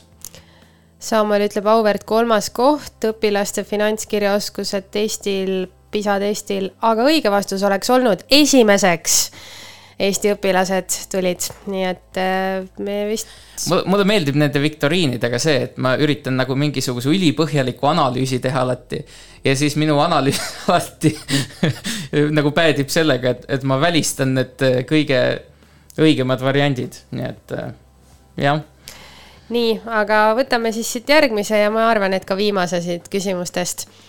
kellele või millele on suunatud Estonian Shorts? Valikuvariandid ennekõike rahvusvahelisele publikule, lühikeste pükste kandjatele või liiga pikalt kõnevatele, kõnelevatele poliitikutele. mis see? kellele või millele on suunatud Estonian Shorts? ahah, no lühikesed püksid oleks vast liiga ilmselgelt, see shorts käib ikkagi võib-olla nende mingisuguste lühifilmide kohta, et ma arvan, et see on see rahvusvahel, ai, see võib olla need poliitikud ka. liiga pikalt kõnelevatele poliitikutele. liiga pikalt kõne, kõnelevad poliitikud. ega need poliitikud nii pikalt ka siis liiga pikalt ei kõnele, selles mõttes, et äh, liiga lühidalt kõnelevad, et kui sa vaatad sellist keskmist poliitdebatti, siis seal on alati mingi üks minut repliigiks ja, ja siis juba saatejuht segab sulle vahele. no ütle aga no võib-olla kellelegi on see üks minutki liiga pikk, nii et äh, võib-olla selles mõttes no ma pakun seda poliitikute varianti siis, liiga pikalt kõnelevatele poliitikutele. Nonii, ja vastus on siis, et kellele või millele on suunatud Estonian Shorts. uus Eesti filmiportaal Estonian Shorts tutvustab lühikesi Eesti animatsioon, mängu ja dokumentaalfilme ennekõike rahvusvahelisele publikule oleksid võtnud esimese vastuse variandi, siis ma oleksin juubeldanud ja öelnud, et sul on õigus ei, ma tahtsin seda tegelikult pakkuda, aga, aga ma juba teadsin, et see viimane on nagu nii palju nagu valem ja siis äh, noh, see on nagu ma olen sellesse ohvri rolli juba niimoodi nagu sisse elanud. et äh, No- järgmine hooaeg ma tahan ka küsimusi küsida väga vahepeal. õige, siis ongi sul parasjagu aega ette valmistada. praegusel juhul siis sul ei läinud vist täppi mitte ükski, aga, aga samas saab trenni teha nagu nende mälumängu küsimustega ka. jah, just nimelt. aga lähme siinkohal jälle väikesele muusikalisele pausile, enne seda tuletame võib-olla meelde, et meil on siis suur loos tulemas. jälgige jõudsasti meie sotsiaalmeedia kanalit Facebookis. Ja senikaua kuulame siis sellist pala nagu Dead Southilt in hell, I will be in good company. ja see pealkiri ei ole siis seotud minu emotsiooniga, mis selle minu viktoriinist jäi, selles mõttes, et see on lihtsalt puht, puht juhuslik Damn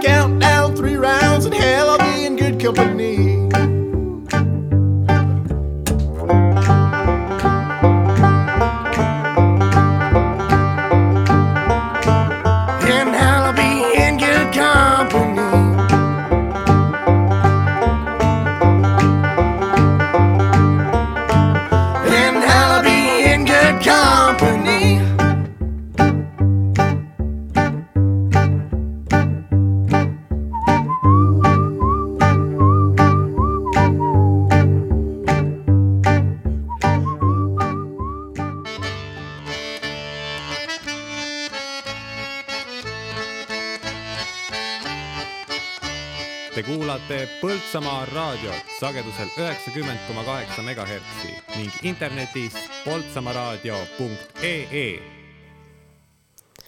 kell on jõudnud sinnamaani, et hommikuloomad hakkavad äh, täna, kaheksandal juulil oma otsi kokku tõmbama. on reede hommik, äh, reede ennelõuna. mina olen Eeva Nõmme, minuga siin Samuel Aksel Maikalu. Ja kuna meil on selline võimalus täna olla kahekesi siin hommikuprogrammi vedamas, siis äh, me arutasime, et me tahaksime tegelikult siin hommikuprogrammi lõpus anda edasi oma sõbralikud tervitused ja, ja väga suure tänu neile, kes on äh, olnud meie kuulajad. Väga-väga suur tänu neile, kes on meie meeskond siin, me kõik, äh, kes me siin koos oleme toimetanud juba enne seda, kui raadio üldse eetrisse jõudis, oli ju kibe töö juba käimas ja saadete ettesalvestamine. aga kui meil ei oleks neid inimesi, kellega rääkida neid põnevaid jutte ja kelle käest küsimusi küsida, siis ei oleks meil mingeid saateid, mida teile lasta, head kuulajad, nii et äh, meil on olnud nagu selline põnev aeg tegelikult seda raadiot tehes jah, inimesed, Põltsamaa inimesed on olnud ülimalt sellised koostöövalmid, vastuvõtlikud, löönud kätt külge igatpidi nii nõu kui jõuga ning nad on valmis ka olnud siia eetrisse tulema. no olgem ausad, see, kui sa tuled siia endast niimoodi rääkima või, või üldse midagi rääkima, see on nagu ennast mõnes mõttes nagu haavatavaks tegemine, sa paned ju ennast äh, mingisuguse plakati külge niimoodi justkui avalikult. ja, ja sind saab kritiseerida sinu kohta saab igasuguseid asju öelda, nii et äh, me tõepoolest oleme tänulikud nendele inimestele, kõikidele, kes siit on eetrist läbi käinud ja meie enda meeskonnas on ka selles mõttes ikkagi inimesi, kes, kes võib-olla ei paistagi üldse välja, et mina ja Eeva siin oleme kogu aeg mikrofonide ees ja, ja räägime. aga siis on ka selliseid, nagu alati on neid inimesi, kelle hääl siis või, või nägu kuskilt nagu välja ei paista, aga nad teevad tohutu töö ära.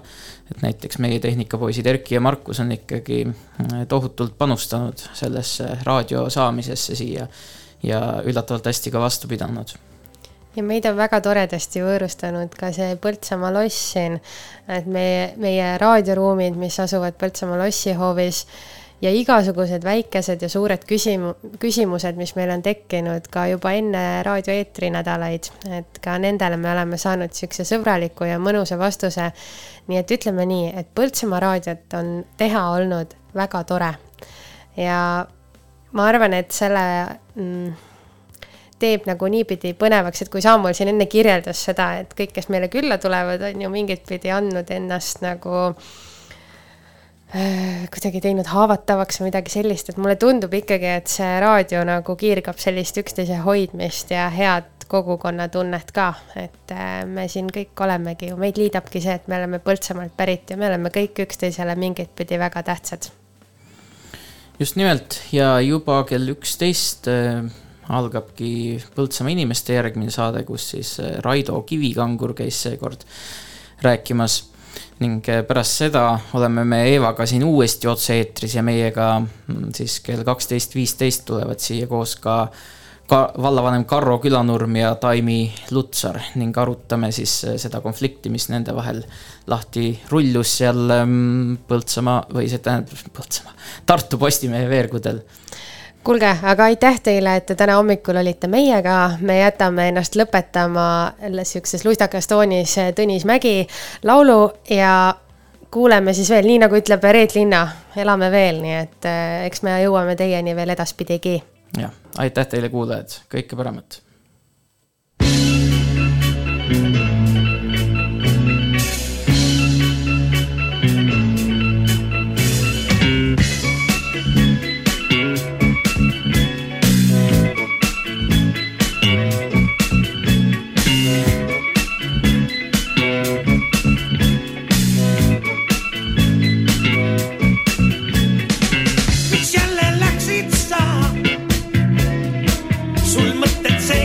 on laiali peas